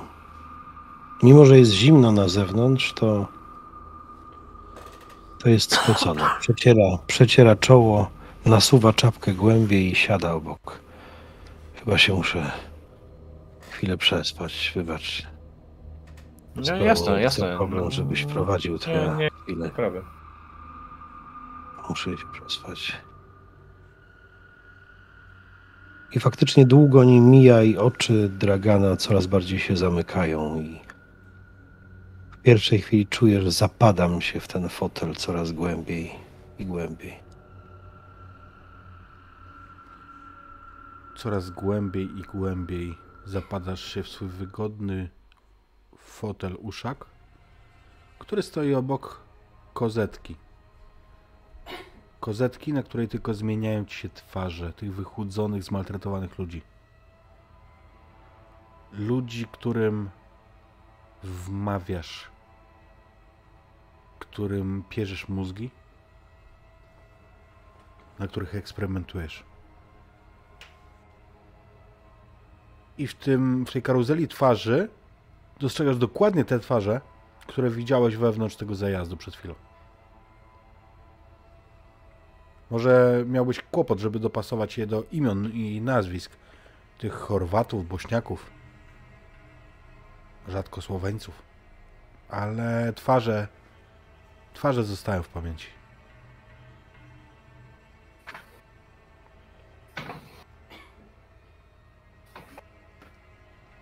Podnoszę telefon na biurku. Miria, ktoś jeszcze na dzisiaj? E, jeszcze jeden klient. Jeden, e, tak. Jestem zmęczony strasznie, ale niech wejdzie. Dobra, daj mi chwilę, dosłownie 5 minut herbaty mi zrób jakiejś mocnej. A on niech wchodzi. Oczywiście. Wchodzi mały chłopiec, który mm, najwyraźniej przyszedł tutaj bez opieki kogokolwiek dorosłego. Dzień dobry. Dzień dobry, ale co ty tu robisz? No. Przyszedłem. Jak przyszedłeś? Ty... Dziecko źle trafiłeś, to jest... Podnoszę telefon. Miriam, co, co, jest, co jest grane? Dlaczego ten chłopiec tu wszedł? Przecież nie jestem pediatrą. W słuchawce słyszysz. A może to jest część drogi? Halo, ale kto mówi? Jak, jaka część drogi? Dziadek, przestań. Mówi Branko, który wygodnie wyciąga się na tej kozetce. Branko, ale przecież nie możemy jechać kozetką do świętego Mikołaja, Dlaczego nie? bo... Bo twój tata czeka w samochodzie, a ja tu siedzę cały czas i zanim skończę, to... Musimy iść jeszcze na lody, potem na karuzelę, wypijemy zupę rybną zaraz w porcie i pojedziemy. Potem jeszcze całe kilometry i zajazd, w którym musisz coś zjeść, musisz być w środku w samochodzie, bo spotkamy na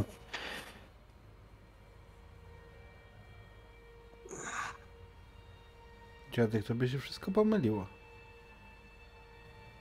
A, chyba tak. Ja jestem w samochodzie. Ty też. Nie. Ja nie jestem w samochodzie, ja jestem. Nie wiem, gdzie jestem. Wszystko ci się pomyliło. Nawet to nazwisko masz tutaj jakieś takie. Źle sypiesz, dziadek. No. Pewnie masz rację. Jowanku. Jowan. Synku. I to, to Dragan wypowiada na głos. Także Jowan to możesz słyszeć. Ale mówi ewidentnie przez sen. Ja nie chciałem, wiesz. Nie chciałem, żeby to wszystko. A może chciałem. Jestem strasznie zmęczony już. Wszystko trochę za długo trwa, jak, jak na mój wiek i trochę nie jestem w stanie tego dłużej ukrywać. Jowan.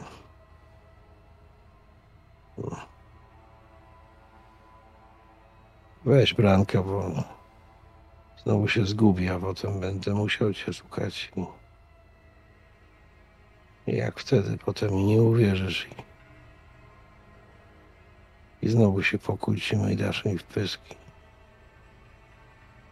I będę cię musiał oszukiwać, a nie chcę. Wszystko jest za trudne, ale jesteśmy na końcu, prawie że na końcu. Wszystko się uda i tak. Wszystko. Wszystko będzie wyglądać tak, jak. Jak miało wyglądać. Na tej wielkiej planszy. Chyba doprowadzę wszystko do końca. Wiesz, Jowan, Jowan, Jowan, Czujesz Jowan. Idę Czujesz do jak- niego. Gdzieś jakby w aucie, nie? Idę, jak on śpi, to ja... Czy on siedzi obok mnie? On siedzi obok ciebie, a ty prowadzisz samochód. A. Okej, okej, okej. Myślałem, że... E, że, że śpi z tyłu tam gdzieś, gdzieś kocem czy coś. To potrząsam nim. Tato! Mhm. E, w międzyczasie, zanim się dobudzisz, draganie, czujesz jak Aisha ociera ci pod z czoła. Męczy cię ta droga, co? A, już tak. Chciałbyś, żeby, żeby dotrzeć szybciej? Przecież wiesz. Powiedz co.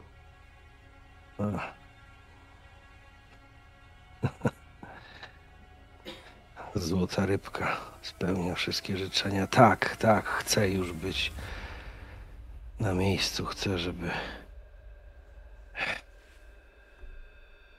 Żeby wszystko się skończyło. Ale po mojej myśli, rozumiesz? Po mojej myśli. Czujesz, y, czujesz y, jak ktoś tobą trzęsie. Budzisz się. To jest co. Jest o co chodzi, co. Nie. Gadałeś Gadałem przez przy- sen. Gadałem.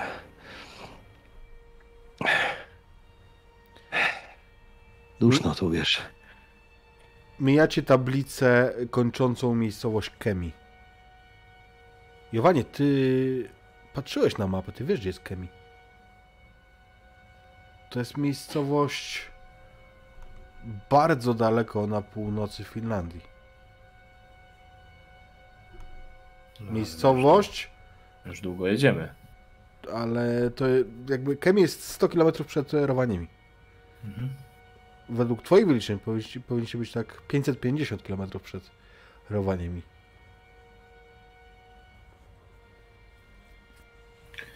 Może podobnie się nazywa przecież.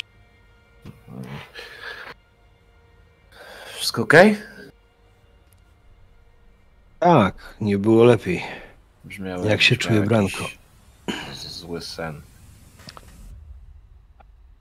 Miałem. Jakie złe, złe sny może mieć elektryk? Hmm?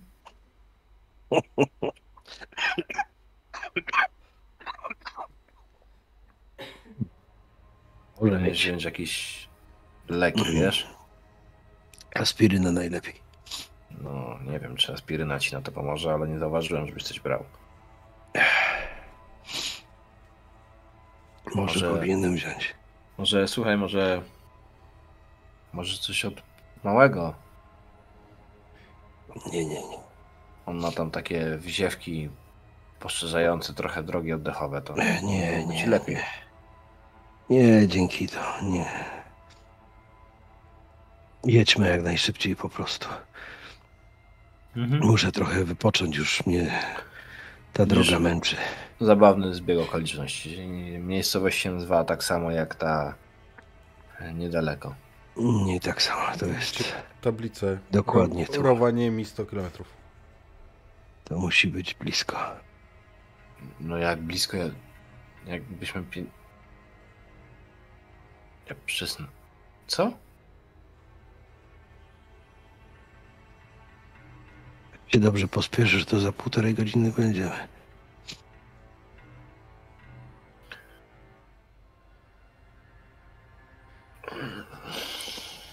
Daj na jeszcze tej kawy. Jak najbardziej.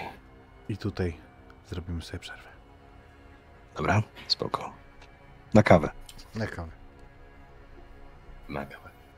Dajcie znać, jak się bawicie, bo cisza dzisiaj na czacie. E, Zasłuchane towarzystwo, bo widzę, że zupełnie licznie e, jesteście z nami, ale cichutko, cichutko na czacie. Przed przerwą nasi podróżnicy opuścili miasteczko Kemi, które jest zaraz przed Rowaniemi.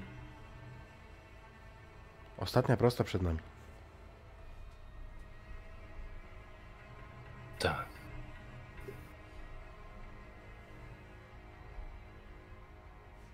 Nie jadę ostrożnie. Myślę, że warunki pogodowe nie są takie, żeby jakoś specjalnie tutaj szarżować, ale mimo wszystko jakoś tak śpieszę, bo chciałbym już tam być po prostu. Ta końcówka jest najgorsza. Mhm. E, I faktycznie zbliżacie się. Tutaj też nie da się pocisnąć, bo co prawda to jest e, porządna dwupasmowa droga. Mm, Natomiast e, no mimo wszystko jedziecie przez lapońską przyrodę, która z obu stron naciska na was śniegiem, ośnieżonymi drzewami. Tutaj już bardzo często widzicie renifery gdzieś obok drogi, ale nigdy nie wiesz, czy nie wyjdą ci na drogę, więc też nie jedziesz szybko. To prawda. Mm, ale w y, takim właśnie powolnym tempie dotrzecie do słynnego Rowaniemi. Do stolicy Japonii, y, Japonii, Laponii, Ym, choć y, niekoniecznie faktycznej, ale administracyjnej. Bo tak naprawdę to Samowie, czyli rdzenna ludność, y, zupełnie inną, y, inne miasto mają za swoją stolicę. A jeszcze nie chciałam wcześniej wysiąść, prawda? Nic nie mówiła.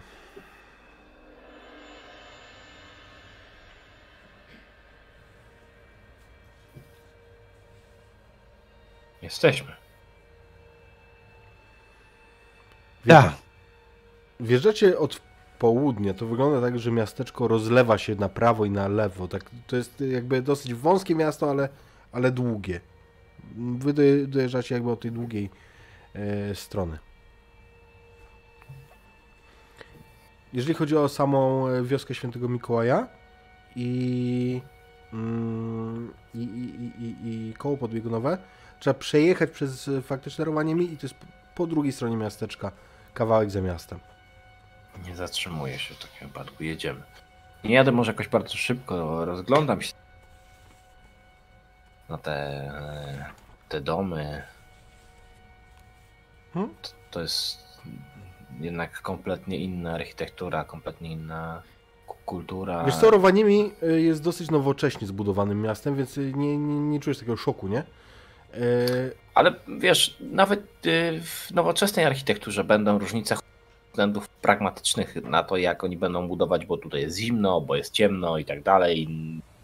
Na pewno. I przede wszystkim y, nawet, nawet samo to, że to są nowoczesne zabudowania, to wiesz, pod, w porównaniu z Podgoricą, no to jest różnica. Podgorica to jest Bydgoszcz południa. Mm, A tutaj wszystko to jest nowoczesne.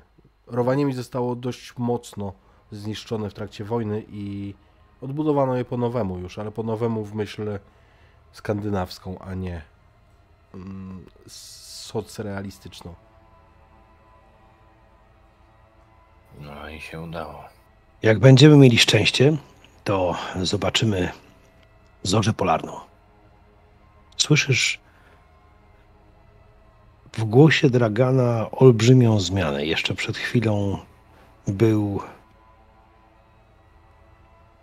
przygarbiony i cedził słowa właściwie, jakby był potwornie zmęczony. A teraz stryk i zupełnie jakby zapomniał o tym, że cośkolwiek mu dolega. Może to magia świąt, może to kwestia rowaniemi i tego, że już jesteśmy, a może po prostu kawa była na tyle dobra, że postawiła go na nogi. Zazdroszczę wigoru. No ale tak, może będziemy mieli tyle szczęścia. Czyż wątpisz? To jest jednak jakby nie patrzeć koło podbiegunowe. Najwięcej szczęścia może być jak zielono będzie nad nami, czerwony Mikołaj, wszystko będzie i jeszcze wata cukrowa albo e, inne lody. W końcu e, to jest to, co chcieliśmy zobaczyć, prawda? Prawda. Zmęczony jesteś. Hmm. Muszę przyznać, że trochę podekscytowany. Ja też, nie, nie widać?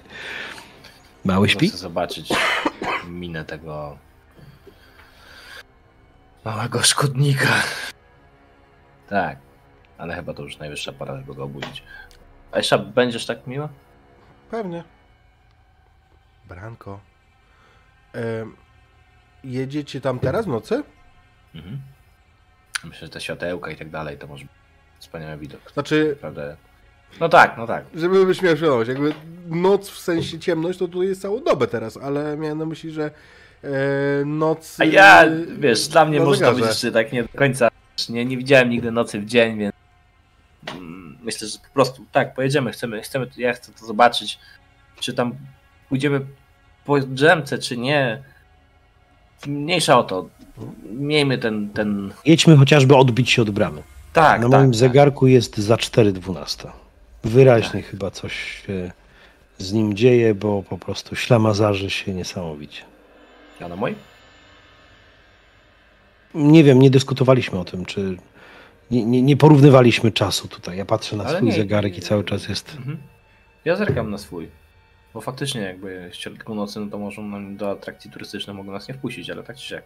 Za 4.12. Późno, ale podjedziemy. No chociaż żeby zobaczyć. No koniecznie, no być tutaj, wiesz, dopiero zostawiać sobie atrakcję na rano, nie wiem, może, może przynajmniej przez płot zobaczymy, no. Taka długa droga. Wiesz, czuję się jak dziecko, które, które ma dostać jakiś prezent, a to, a to my robimy prezent, ale tak czy inaczej. Świąteczna atmosfera, jakkolwiek by to go nie nazywać. Jakkolwiek, masz rację. Dojeżdżacie do miejsca nazwanego wioską Świętego Mikołaja. I tam jak najbardziej wszystko jest rozświetlone. Pomiędzy tymi charakterystycznymi domkami kręci się masa ludzi. Setki ludzi? Może tysiące. Niemalże tłok. Niektórzy to oczywiście obsługa, przebrani w stroje elfów. I są tutaj mm, te budyneczki, tak, e, to, to nie jest wszystko w jednym budynku, tylko tu jest dużo tych chat. W jednej jest jakiś sklepik, w kolejnym e, e, Muzeum Świętego Mikołaja, w e, jeszcze kolejnym właśnie Święty Mikołaj przyjmuje mm, swoich gości i tak dalej. Restauracja oczywiście też jest. Widzisz, jeszcze otwarte. A ty się martwiłeś. Kapitalizmu. Ach, tam. Magia świąt. Bramko, wstałeś?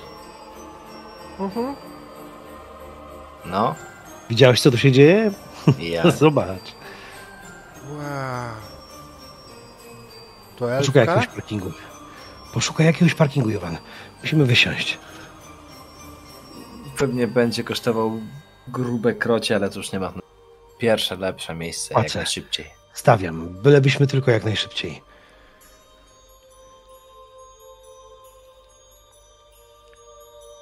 Czarne niebo nad wioską. kiedy wchodzicie. Zakładam, że od razu do domku świętego Mikołaja. No tak, tylko po to tu przecież przyjechaliśmy. Widzicie tablicę w kilku językach, pora. że wejście jest za darmo, ale zdjęcie kosztuje 30 euro. Fun fact, to faktycznie taka tablica to jest. Mhm. Wchodzicie e, do środka i w środku o dziwo nie ma tłumu. No, jest dosyć późno. Poproszę was, żebyście obaj przejrzeli iluzję.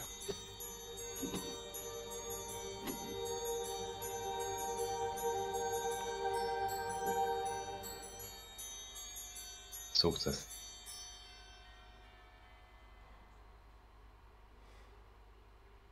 Sukces. Z komplikacją chyba masz.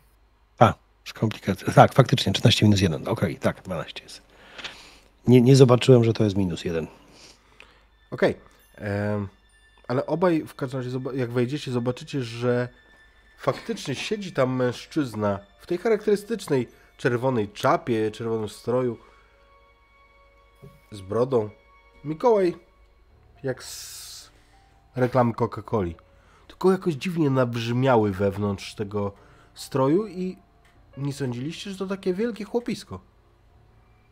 Jest zn- Ja- ja- znacznie większy od każdego z was.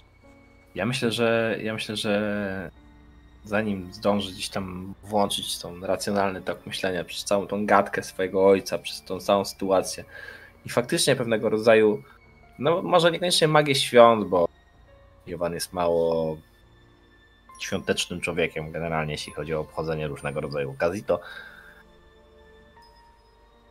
to odepchnę trochę ten swój, e, tą swoją analizę prawdopodobieństwa, te e, analizy.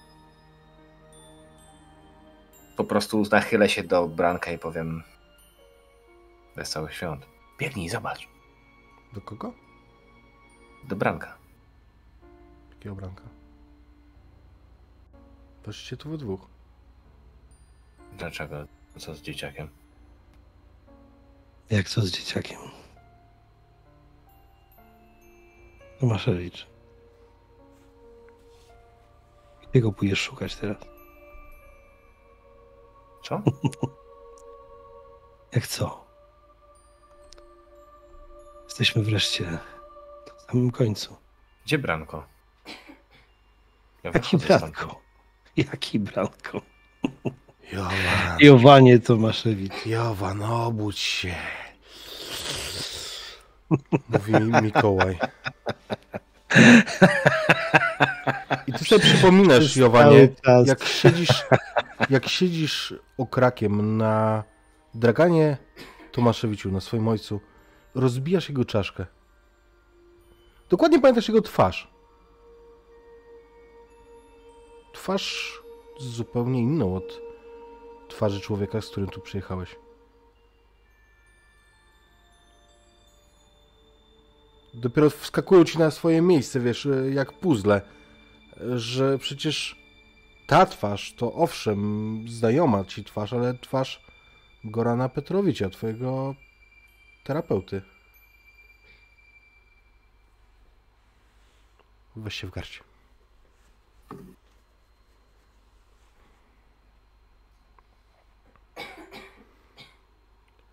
I przy... Sukces.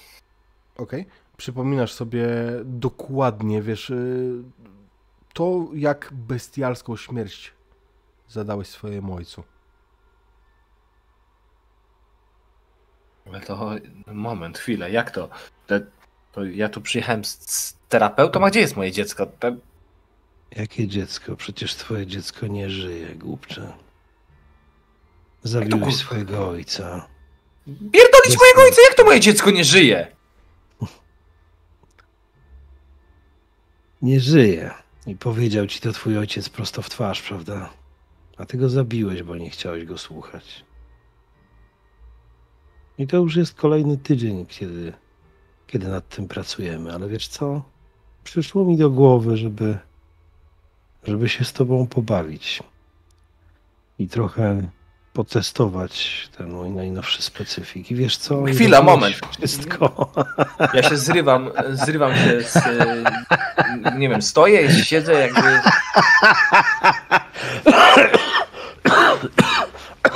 Podbiegam do niego i chwytam go. Co to kurwa znaczy zabawić? Przecież przed... A ka- bawisz kamper, a dzie- dziecko, a, a dziewczyna... Jaka dziewczyna, co ty wszystko gadasz? Ja umieram, człowieku. I to jest taki moment, w którym te palce zaczynają się zaciskać bardzo gwałtownie i bardzo szybko. Pewnie dużo szybciej niż e, Petrowicz byłby w stanie założyć. I co? Zabijesz mnie teraz? Przecież ja... Gdzie jest kurwa moje dziecko, ty? Johan, ale kiedy on to powiedział, to tobie coś klika w głowie i faktycznie.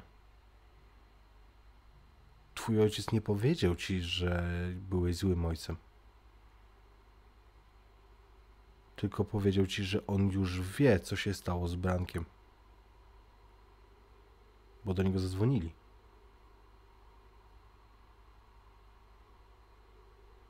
I ty go wtedy oskarżyłeś o kłamstwo.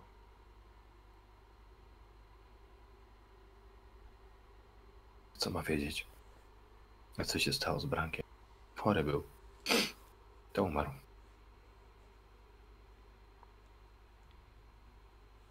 Nie wiem. Ja... Ja mu chciałem pomóc. Wszystko bym zrobił, żeby mu pomóc. Przestań. Przestań! I ten uścisk się tylko zaciska coraz bardziej. I ja myślę, że jedyne, co jestem w stanie jest się wydusić.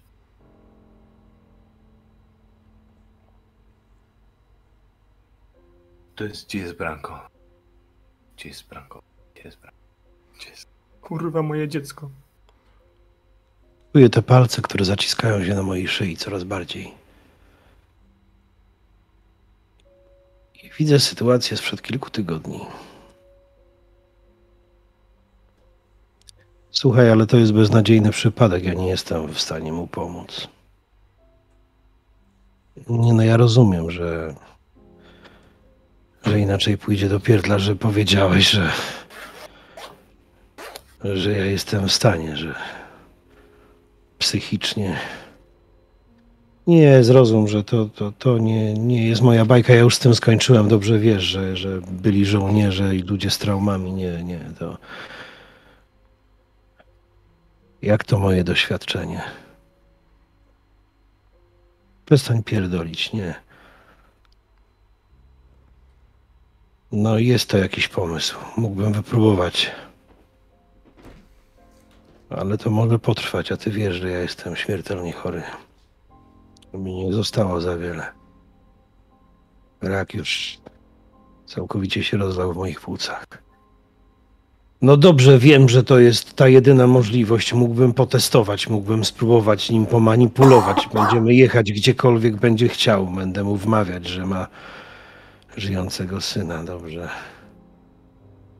A, no tak, byłby w stanie uwierzyć, że, że jestem jego ojcem. ojcem. To nie jest wielki problem. Dobrze wiesz, że fix tak działa. Fix, fix. Dobrze wiesz, opowiadałem ci wyraźnie. Fake individuality exploit. Podrobiona osobowość. Ten środek, nad którym pracowałem. Nie do końca go potestowałem. Wiesz, że na niego czekają. Tak, tak, sprzedamy go. Mogę spróbować. Mogę spróbować odgrywać Tomaszewicza, jeśli uważasz, że, że jest sens.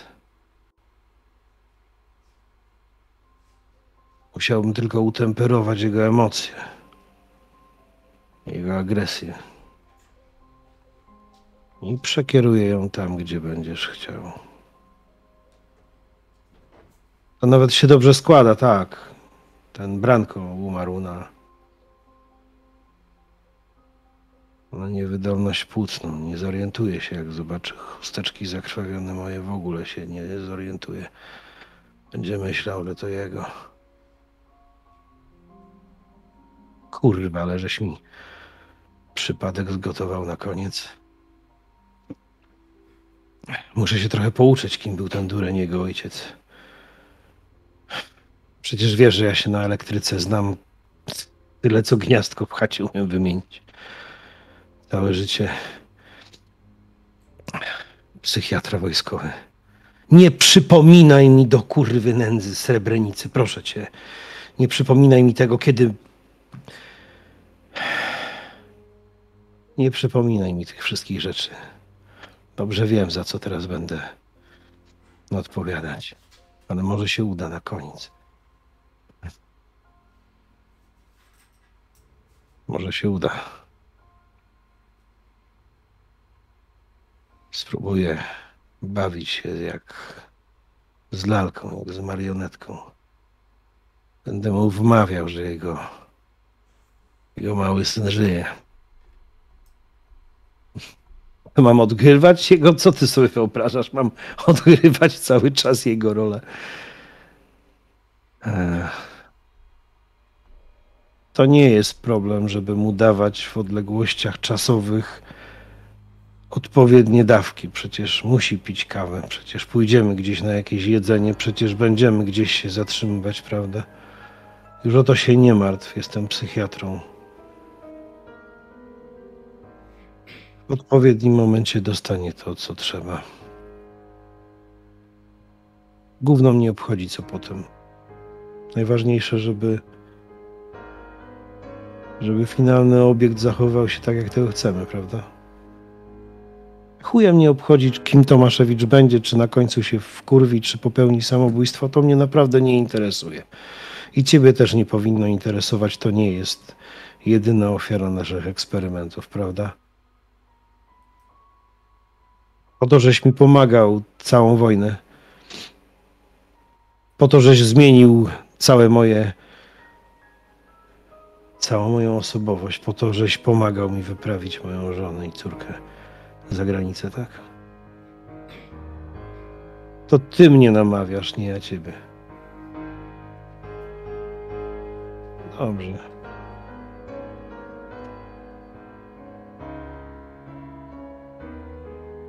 Nie wiem, jak to się potoczy i gdzie będziemy musieli jeszcze ściemniać. I powoli wraca, wracam do siebie z tej rozmowy przez telefon, wracam do siebie. Chcesz mnie teraz udusić? Przecież i tak ledwo żyję. Jowan, przestań. Porozmawiajmy po prostu. Po prostu pogadajmy.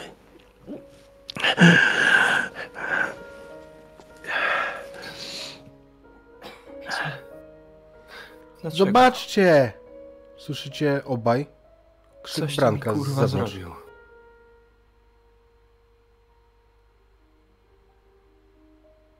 Mm, Branko! Biegnę tam natychmiast. Przecież nie ma branka. Kurwa, przecież Ignoruję go. wychodzę na zewnątrz.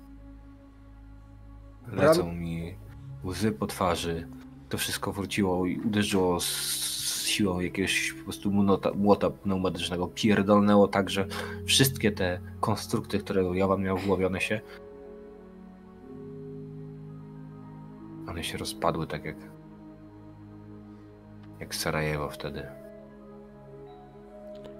Kiedy wychodzicie na zewnątrz, całe niebo pokryte jest zielonymi światłami, które tańczą teraz i tworzą niesamowity spektakl.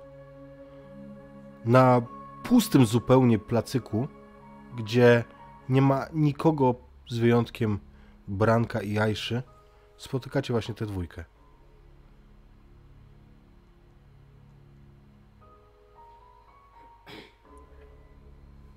I co, Jowan, warto było odbyć całą drogę do darowania mi statusem.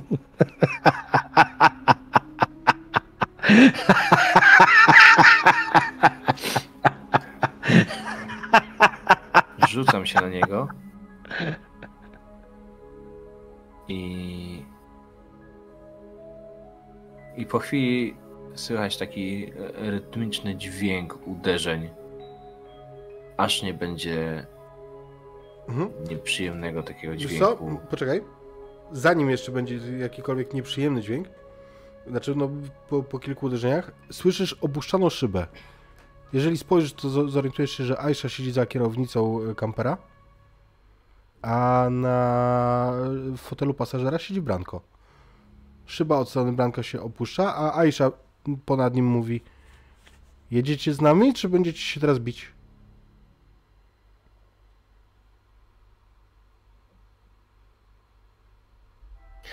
Johan jest kompletnie rozpieprzony.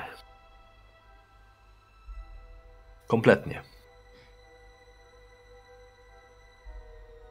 Pociąg odjeżdża.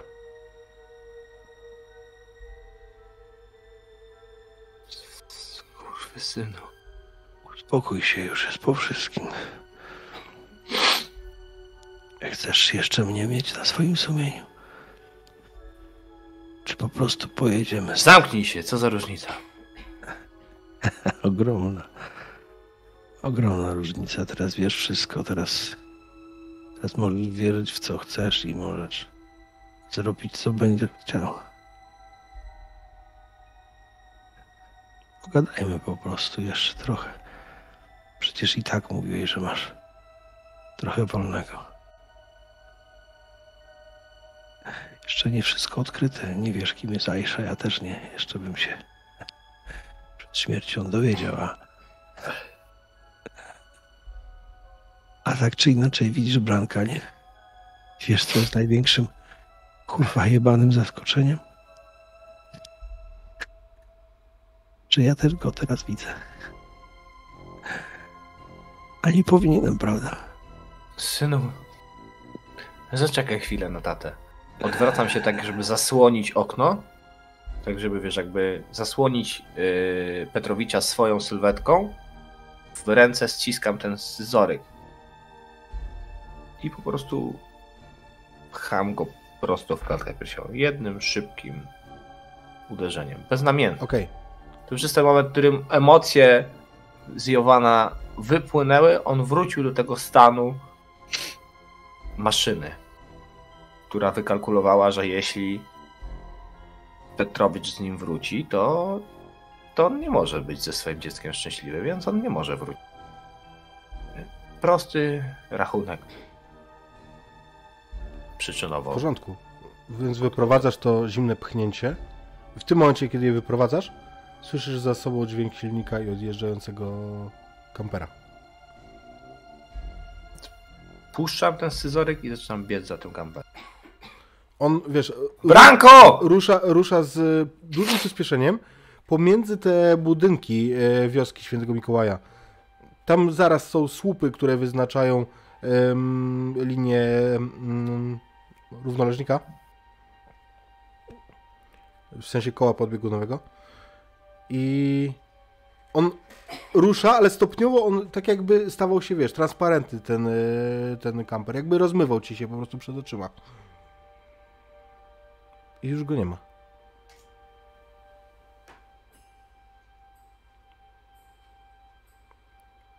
Gdy dostałem uderzenie scyzorykiem prosto w klatkę piersiową, czuję, jak moja klatka się zapada, jak powietrze zasysa między żebrami i świszczy niemiłosiernie.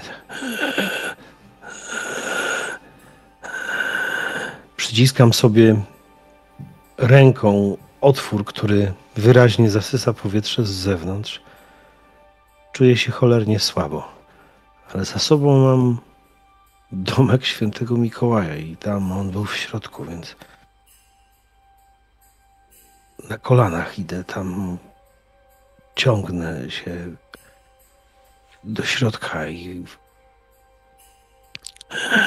on tam jest cały czas. Nie wolisz jechać z nami, dziadek? Nie mogę, Dlaczego? Bo ciężko mieć i oddycha już. Tutaj tak. Ale ja chcę się przejechać saniami ze świętym Mikołajem. Nie chcesz pojechać z nami? Nie. Aisza mnie zabiera na przejażdżkę, wiesz? Aha.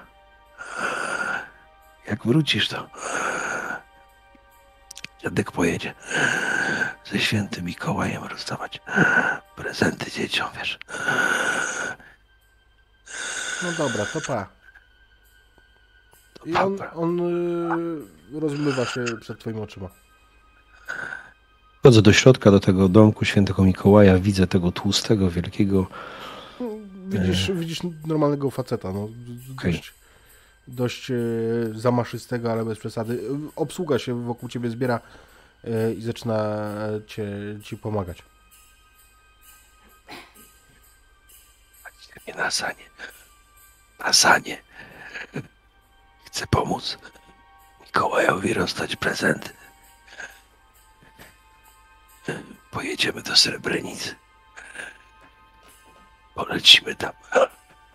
Zrzucimy pakunki dzieciom. Tam zostało wiele sierot. Dzieci. Chcę. Chcę się przysłużyć za to wszystko, co było w czasie wojny teraz. Pomogę. Mogę się przydać. Mi się jeszcze. Kolejne podejrzane zabójstwo. Tym razem w fińskim Rovaniemi em, doszło do następnej odsłony przedziwnej wojny wywiadów. Tym razem, jak ustało się ustalić naszym reporterom, agent e, wywiadu tureckiego em, zabił przy użyciu ostrego narzędzia, prawdopodobnie noża, mężczyznę powiązanego z dawnymi służbami jugosłowiańskimi. Kiedy tylko dowiemy się kolejnych informacji, wrócimy do Was z następnymi e, szczegółami. A tymczasem życzę Państwu wesołych świąt. To było ostatnie wydanie naszych wiadomości przed Wigilią. Życzę Wam wszystkiego, co najwspanialsze pod choinką, rodzinnych i spokojnych świąt Bożego Narodzenia. Ja bym chciał dodać tylko, że moment, kiedy mm, Petrowicz, Dragan, trudno powiedzieć, z mojej perspektywy jedno i to samo. Wchodzi do tego domku, to jest ten moment, w którym ja wyjdę na środek tego placu, upadnę na plecy, na wznak i tymi okrwawionymi rękoma, zostawiając takie czerwone na śniegu, zacznę robić aniołka i powtarzać do siebie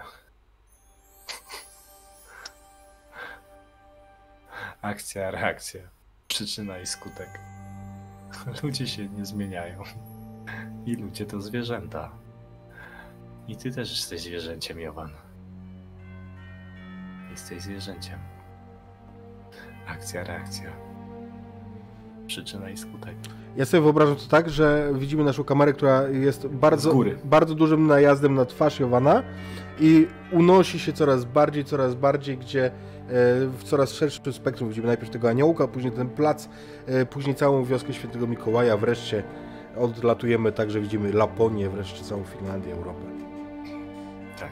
I A tak, w tle gdzieś przelatują sanie ze świętym Mikołajem. czemu nie? Czemu nie? Dziękuję Wam panowie za tę opowieść. Faktycznie warto było czekać tyle miesięcy. Dzięki piękne. No, kurde. Czarne święta. Dla miny Fryca w momencie, jak e, okazało się, że nie ma Branka, e, warto było czekać tyle miesięcy. No. Tak. E, no, no, no to troszkę żeśmy pospiskowali e, w różne strony z obydwoma graczami.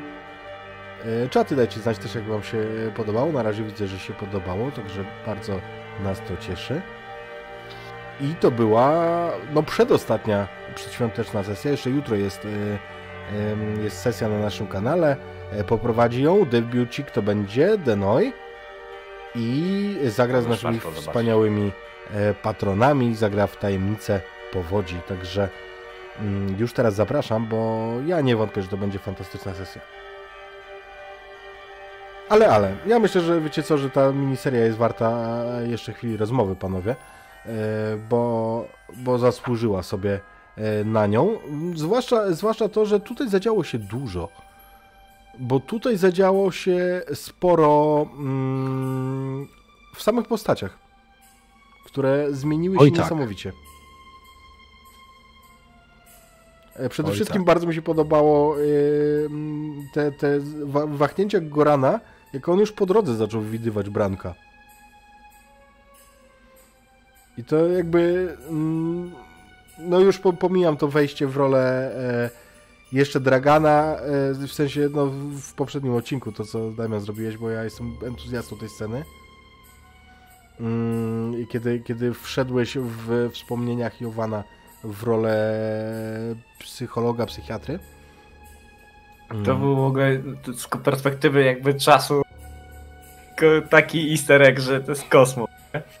E, jak się mówi? Fo- Foreshadowing? Foreshadowing, no. Tak, poszedłem. No to było takie, że mówię, kurka, czy nie poszedłem za daleko, czy w tym momencie nie zdradziłem, ale Maciek jeszcze to przy... Oho, jaka fajna scena, jak tu żeś gładko z postaci do postaci wszedł. Mówię, okej, okej, okej, dobra, to niech tak będzie, niech tak Że będzie. kompletnie nie w tym kierunku, jak Wycięło cię. Czy- więc nie wiem, cię wycięło, powiedz ostatnie zdanie. Mówię, że kompletnie nie w tym kierunku myślałem, więc absolutnie da, da, jakby dałem się zaskoczyć jak nomen omen małe dziecko. Fajnie, fajnie. Z, ym, y, no, powiem szczerze, że to, że to nie była łatwa sesja, nie? że to nie były łatwe, łatwe rzeczy, bo tutaj dużo działo się pomiędzy nami, Frycu, i to było takie faktycznie siłowanie się na rękę. Starałem się to robić na tyle delikatnie, żeby jednak wyciągnąć potem na końcu, że jednak coś tam się temu, y, temu y, y, psychiatrze, temu całemu Petrowiczowi udało że, że cię w jakiś sposób kontrolował. Y, y, Bardzo ci dziękuję Maciek za scenę z, ze statkiem, że on się rzucił. To był dla mnie duży, duży plus, bo w tym momencie jak gdyby mogłem sobie powiedzieć, ok, w tym momencie zrobisz cokolwiek dla swojego syna. Świetnie, jestem tu wygrany. Nie? Natomiast no nie było prosto, nie było prosto, bo grałeś e, agresywnego i choleryka to, to totalnego, więc kurczę, to, że udało się jakkolwiek zmiękczyć to wszystko, zajebiście, zajebiście. No, ale e, muszę ci przyznać, że tak od strony mojego myślenia o postaci, to faktycznie było parę takich rozmów, które mm, tak zostały zaadresowane, że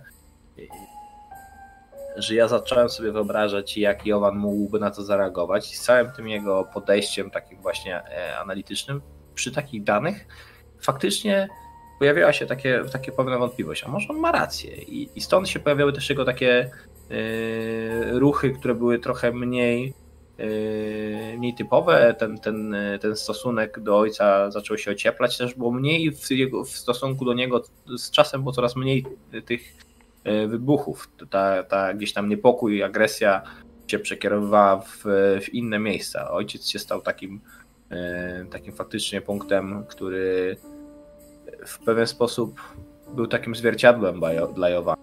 Tego, czym on by nie chciał być i że być może faktycznie jest jakiś punkt, do którego można byłoby zmierzać. Natomiast on był bardzo bardzo zrezygnowany, bo w tym jego całym umyśle politycznym nie widział szansy na powrót.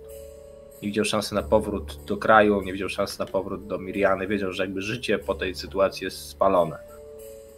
Więc yy, no ja miałem w głowie taką, taką scenę, że mm, że Jowan wróci i odwiezie dziecko, ale do pracy już nie.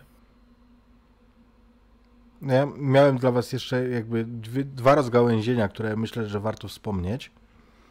E, teraz już, bo, mm, bo były gdzieś interesujące. To gdybyś Jowan zadzwonił do Miriany wcześniej, no to. No, rozważałem to, no. No to gdybyś zadzwonił, to ona by ci powiedziała, że przecież Branko nie żyje. albo przecież twój ojciec nie żyje. E, Zależnie od tego, jak byś poprowadził rozmowę, a tu przecież widzisz jednego i drugiego teraz, nie? Jakby jak rozmawiasz z nią, to Dobrze, że nie zadzwoniłeś. Tak, to by mógł być y, trudny dla ciebie jako dla moment, żebyś z Tak, tego wybrnął, tak. nie? Nie Tak, odkrywając. zdecydowanie. y, nie, jakby to, to byłoby mega ciekawe właśnie. Znaczy tak, ja się zgadzam, że, że scena, by, scena byłaby mega, bo myślę, że dla mnie była takim to emocjonalnie i, i zderzyć się z tą Mirianą, którą ja sobie gdzieś tam w głowie przecież zbudowałem w takim opakowaniu. No a drugie? A drugie to to, co by się stało, gdybyście wsiedli do kampera. Ja chciałem. No właśnie, właśnie. Bo wtedy Chciałem, ale byście mieli po uznałem, prostu że- motyw y, wiecznego tułacza i wie, wie, wiecznej podróży tym kamperem. że kontrintuicyjne to było, żebym ja stawił Petrowicza po prostu, tak po prostu, żebym go zostawił. No i to byłoby nie, jakby niezgodne z tym, co Jowan, a on był No, to, święcie to, przekonany, że tak jest. to by Ja bym, tak taki- czy inaczej, ja bym nie wsiadł, nie? To byłby good ending, to po prostu wieczna droga, wiesz, stałe oddanie się po prostu bogini autostrad. Tak, tak. Ja bym w ogóle nie wsiadł, nie? Bo dla mnie od początku to był taki zamysł, że to będzie one-way ticket. Że tutaj ja nie mam za dużo czasu, że jeżeli to jest ten moment, ten motyw, w którym jeszcze mogę popracować sobie nad tym, nad tym specyfikiem, nad tym, no, jakby myśmy kminili tutaj, musisz Frycu wiedzieć jeszcze przedtem, jak to się ma nazywać, jak to kuchnia tego. I tu właśnie wyszła, wyszła kwestia, że szukaliśmy tego fix. Dobra, niech będzie fix. To ja mówię potem, kurczę, dobra, to będzie fake individuality exploit. I to będzie coś, nad czym pracowałem jeszcze będąc, będąc faktycznie lekarzem, eksperymentatorem podczas wojny. No wiesz, tu się, tu się dosyć ciekawie to, to spięło z tym, że ja miałem e, jako komplikację nieudany eksperyment, nie? No tak, to wszystko, No, kurczę, jakby- tak. Bo, bo to nie wybrzmiało do, tak myślę, in your face. Były hinty, ale nie wybrzmiało. Tak. Że tym, co zabiło Branka, była podana mu przez Jowana eksper- eksperymentalna kuracja. Okej, okej. No to jeszcze... fak- on był ja na faktycznie końcu- chory, ale Jowan przyspieszył temat. Ja na końcu dlatego właśnie mówię, że to jest nie moja wina.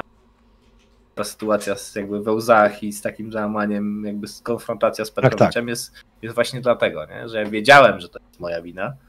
Yy, I jak ojciec się ze mną skonfrontował, no to to, to był jakby. On nie mógł, on się nie, nie jakby on nie mógł wiedzieć na co podpala, jaki ląd podpala. No, no, no, no, no. No z moich atutów to też idealnie pasujące do tego był lalkarz. No tak. Więc jakby... Ja miałem takie lalkarz, naukowiec. Co?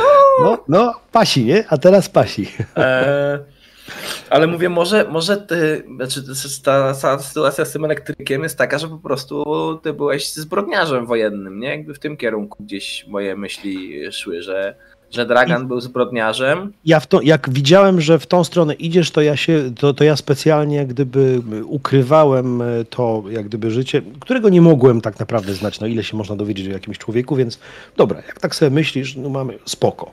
Niech będzie, kurczę, że twój ojciec Petrowicz miał jakiś taki epizod, spoko. A jeszcze Hmm. dodam, e, Damian, że gdybyś wsiadł do kampera, to ty byś nie wsiadł jako Goran Petrowicz. Tylko wsiadłbyś jako Dragan Tomaszewicz.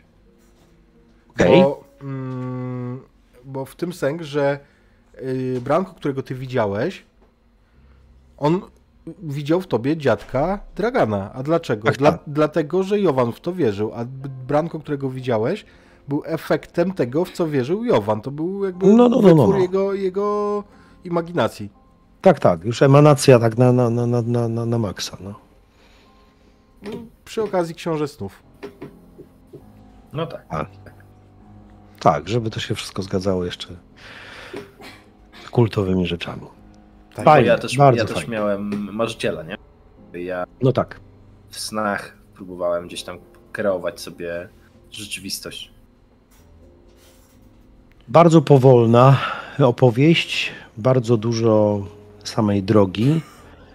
E, Wiem, że nie wszyscy takie, takie rzeczy lubią, nie, wszystkie, nie wszyscy takie sesje powiedzmy nie dla wszystkich takie sesje są, y, są fajne, niektórzy lubią większy dynamizm. Ja się lubię raz na jakiś czas pobawić właśnie w coś takiego. To było, tak jak mówię, siłowanie się z tą frycą na rękę, y, słownie y, i takie, no wiesz, takie igiełki, żeby jeden drugiemu nie zdradził za wiele. Maciek tutaj wsuwał kolejne sceny fajnie. Ja się bawiłem naprawdę dobrze. Trzymało to mnie samego też w dużym napięciu, żeby doprowadzić to do końca. Mówię, kurczę, jak, powiem ci, jakby, jakby to miało trwać jeszcze jedną sesję albo dwie, to nie wiem, czy byłbym w stanie to napięcie wytrzymać, trzymając tą tajemnicę, i która się powolutku, mimo wszystko, jak taka e, mandarynka świąteczna obiera coraz bardziej, nie? że tutaj coraz bardziej goli w tym wszyscy jesteśmy, nie? i ty i ja. No ja, było fajne, fajne. Ja się z kolei spodziewałem, że będziemy mieli cenę, jak się okaże, o co chodzi z tymi Turkami. E, bo ja mm, pracowałem w e, kontrwywiadzie w Czarnogórskim, a dla Turków byłem tylko śpiochem nie miałem żadnego jakiegoś, to nie był żaden agent specjalny, James Bond, nie wiadomo co. Yy, dlatego żadnych jakichś takich manewrów właśnie pod tytułem, że ma broń ukrytą, że nagle widzi trupa i on tam, o, to zlecenie i tak. Nie, nie, nie. Normalny facet, który pracuje przy biurku głównie i jakby to było dla niego yy, nagły taki upadek i to skonfrontowane z obrazem ojca, jaki jest który jest y, czarnogórskim patriotą i wiadomo, co sobie pomyśli, gdyby coś takiego wyszło. I, i z tym obrazem, który y, od początku był, była narracja budowana, że przynajmniej za młodych lat y, Dragan bardzo wiele wymagał i był zawsze zawiedziony tym, co robi Jovan. I to doprowadziło do tego ich konfliktu. No to jakby to ja, ja, ja wiedziałem, że sceny konfrontacyjnej doszło, no to tam się zrobiło bardzo grubo, nie? No tu nie było jeszcze takich elementów, które gdzieś tam żeśmy też omawiali, one były gdzieś tam w zupełnym domyśle, one nie, nie wyszły, ale to Tak, no bo poszliśmy, bardzo... poszliśmy trochę inną stronę. Tak, tak. Też myślę, bo, że... bo, to była, bo to była taka rzecz, że, że omawialiśmy z Maćkiem, że ten fix cały, nad którym pracowałem wcześniej, e, no, nie był dopracowany i tak naprawdę jeszcze jeden element jak gdyby został do niego dodany, żeby go potestować. Ten jeden element, który E, który tym razem na Jowanie był testowany, e, był specjalnym jakimś specyfikiem. Ten specyfik, dziwny traf, miał e, na opakowaniu półksiężyc, więc tu się też wiązało to mocno ze śladami tureckimi. Podobnie jak środek, jak ten, który ja podał podałem Brankowi. Więc Dokładnie ja tak. Dodatkowy, wiesz, jakby mindfuck, że się ten półksiężyc pojawia i tu, i tu. I mówię, w jaki tak, tak. sposób tak. ty jesteś z tym powiązany, nie? Tak, tak, tak, tak. Bardzo fajnie, naprawdę, bardzo dobrze się bawiłem. To było, myślę, że warto było Maciek czekać się z tym pomysłem, kurczę, tyle miesięcy, nie? Żeby, żeby to doprowadzić i zrobić takiego, mm, e, no myślę, że w pewien sposób zrobiliśmy taką zupełnie nieplanowaną wersję e, jak się to nazywa, ten, ten stwór, co psuje Boże Narodzenie? Grinch. Grinch, no właśnie. To taki kultowy Grinch nam wyszedł, nie? Tro, troszku. nie no, żartuję, słuchajcie. Jakbyście, Dla mnie to jest ostatnie... Jakbyście wsiedli w ogóle do tego, do kampera, to byłby nawet happy end. Ja, proszę pana, jestem w saniach razem ze świętym Mikołajem i latam z nim i rozdaję prezenty. Także to też bardzo tego się mocna scena, ale uważam, że gdzieś tam do mnie najbardziej obrazowo, oprócz tych scen, takich starć między nami emocjonalnych, które jako taki warsztat y, grania roleplayki emocjonalnej kosmiczne polecam, jeśli będziecie mieli okazję, ale od razu ostrzegam, że trzeba się trochę. Mm, to nie takie, to jest takie właśnie na tyle głębokie wejście, że z tego wytrząsnąć. E, nie wiem, czy też miałeś takie wrażenie. Ja wychodziłem taki bardzo, wiesz, e, poruszony tym wszystkim. Tak, tak, zdecydowanie e... tak. Dużo, dużo emocji wewnętrznych, nie? Trzeba było tak, się mocno tak. na wodzy trzymać. Ale scena z y, tą mową, z retrospekcją, y, kiedy ty jakby rozmawiasz jako Petrowicz z kimś, kto ci tam tą fuchę załatwił,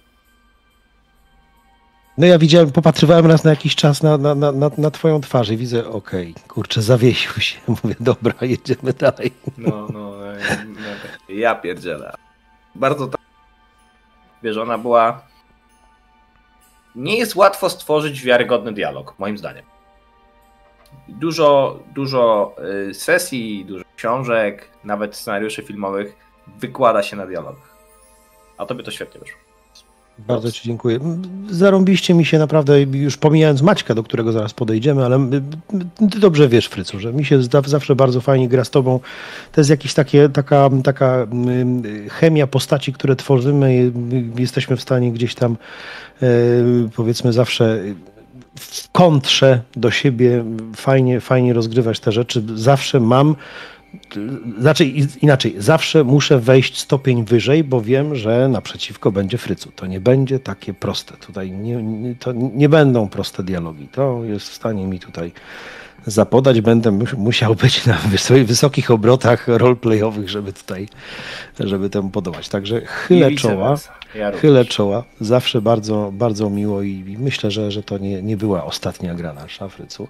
Maćku, za całą historię bardzo, bardzo Ci dziękuję. Była zmyślna, całkiem fajna. Twoja wiedza w ogóle o geografii. Super, super wybrzmiało, no.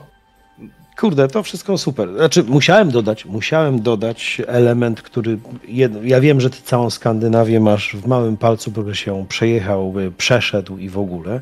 Natomiast y, faktyczne, faktyczny obrazek portu w Helsinkach, który mi się przydarzył kilka lat temu, autentyczna rzecz. Jak e, byliśmy nad samym, e, na tym wielkim placu, już nie pamiętam jak on się tam nazywa, w Helsinkach jest taki plac zaraz przy, zaraz przy tym, przy zatoce właściwie. E, plac, Jezu, cara jakiegoś. Mm, no, dokładnie. Aleksandra, ale wiesz, Aleksandra II chyba. Coś takiego właśnie. I, I wszystko było pokryte lodem, jak cała Polska dzisiaj taką warstewką lodu, bo rzeczywiście było bardzo wilgotne powietrze i była gołoleć, więc myśmy szli, kurczę, tak wiesz, krok po kroczku dosłownie, żeby się nie wyglebić. Yy, bo to byłem wtedy w marcu, chyba na początku marca w Helsinkach. I pierwszy raz zobaczyłem, że na Bałtyku może być pokrywa lodowa kilkumetrowa, bo był lodołamacz porcie i on rozwalił faktycznie przy samym tym takie pokrywy. Ja mówię, kurde, lampy takie zrobiłem, bo takie były wielkie bryły lodu. To mi zostało z pamięci o Helsinkach, więc no, autentycznie. I, I Finlandię, i Czarnogórę złaziłem autostopem, ale w lecie. Ale miałeś nie... pojęcie, jak to, jak tak. to, że tak powiem, namalować. I to wyszło bardzo, bardzo fajnie. Bardzo fajnie. Dużo to wiesz, to wniosło jest... do takiej wiarygodności, nie? Jak tak, zdecydowanie. To tak, słuchajcie, dawno nie było żadnej zapowiedzi, to możemy tak enigmatycznie dodać, że to będzie jedna z cech charakterystycznych projektu 100 e, tysięcy miast. 100 tysięcy miast, tak jest. To będzie też niezły kult. 100 tysięcy miast. Już niedługo.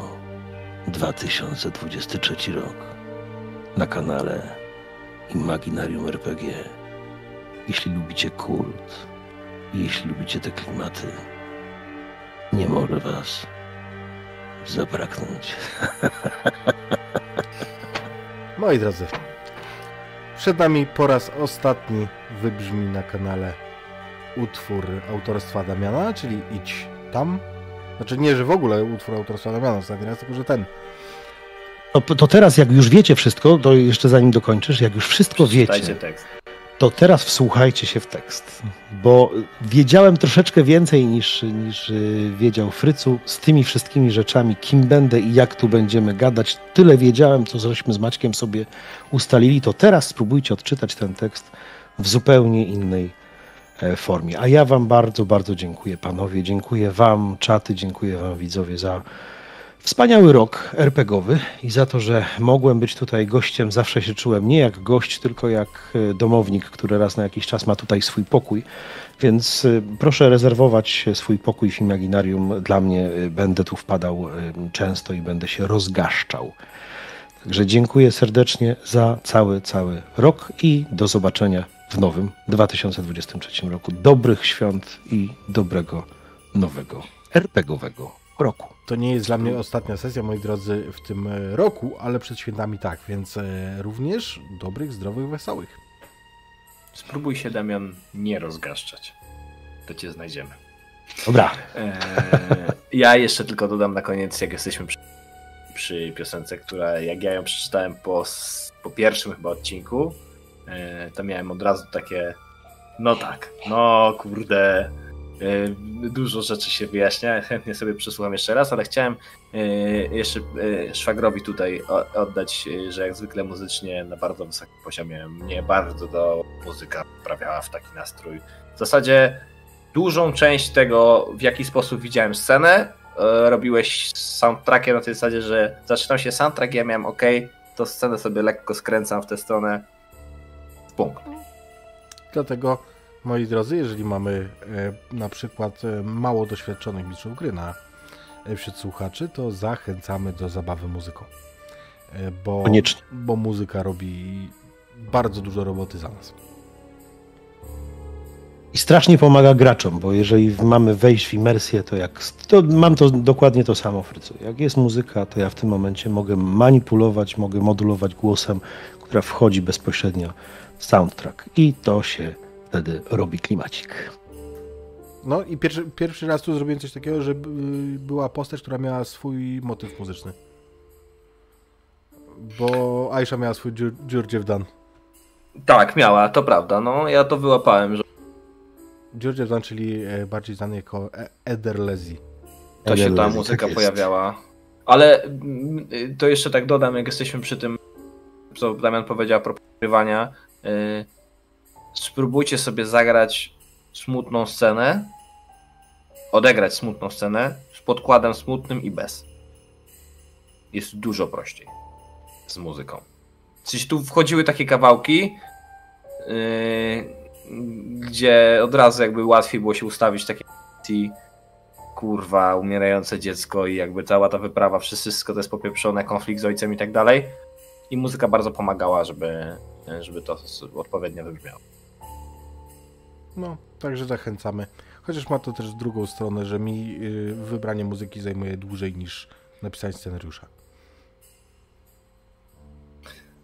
Dlatego zabawa. Są też minusy. porządek. Trzymajcie się miśki i zapraszamy po raz ostatni. Idź tam. Na razie. Do zobaczenia.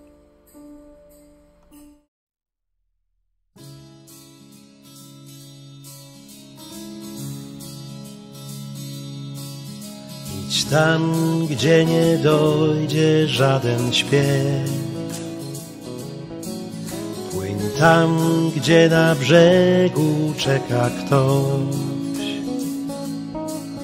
Leć tam, gdzie nie słychać szumu drzew.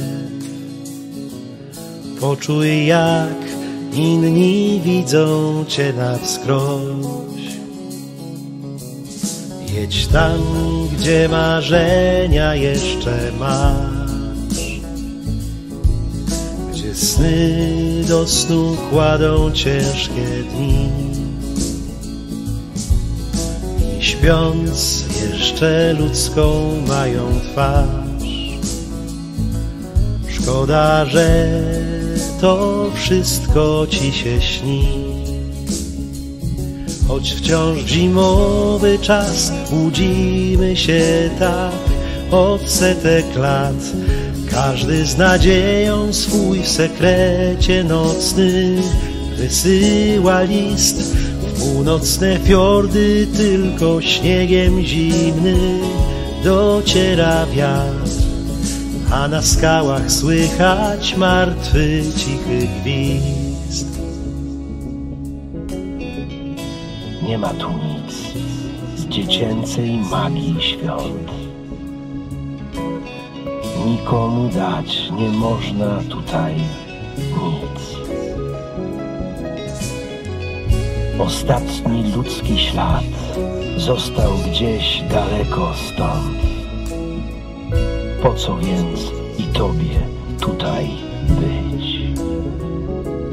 Świąteczna radość bajką jest dla wszystkich zgłodniałych mas, gdzie żadnych świętych Mikołajów święta nie cieszą już. Co jeszcze z tego jest pobożnym snem mrocznej iluzji w nas? Z miłości do umarłych, zbłąkanych dusz. Kto kłamie i kto udą na co dzień ciągle dokarmia się, czy będzie w stanie wierzyć synowi ojciec, a ojcu syn, niczego w prezencie dostać każdy z nich naprawdę chce, a znając wreszcie sekret, zachwyci się nim.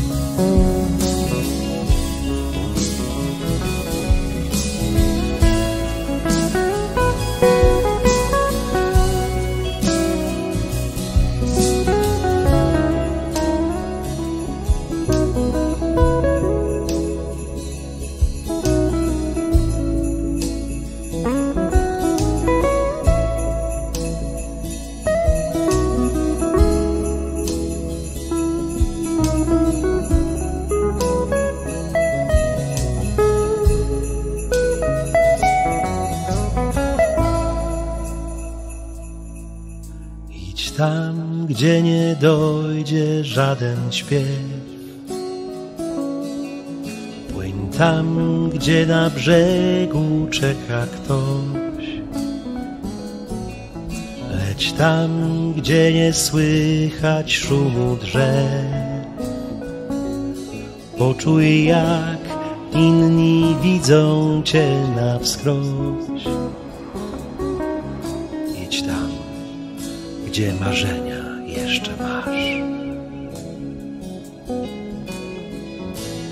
tylko,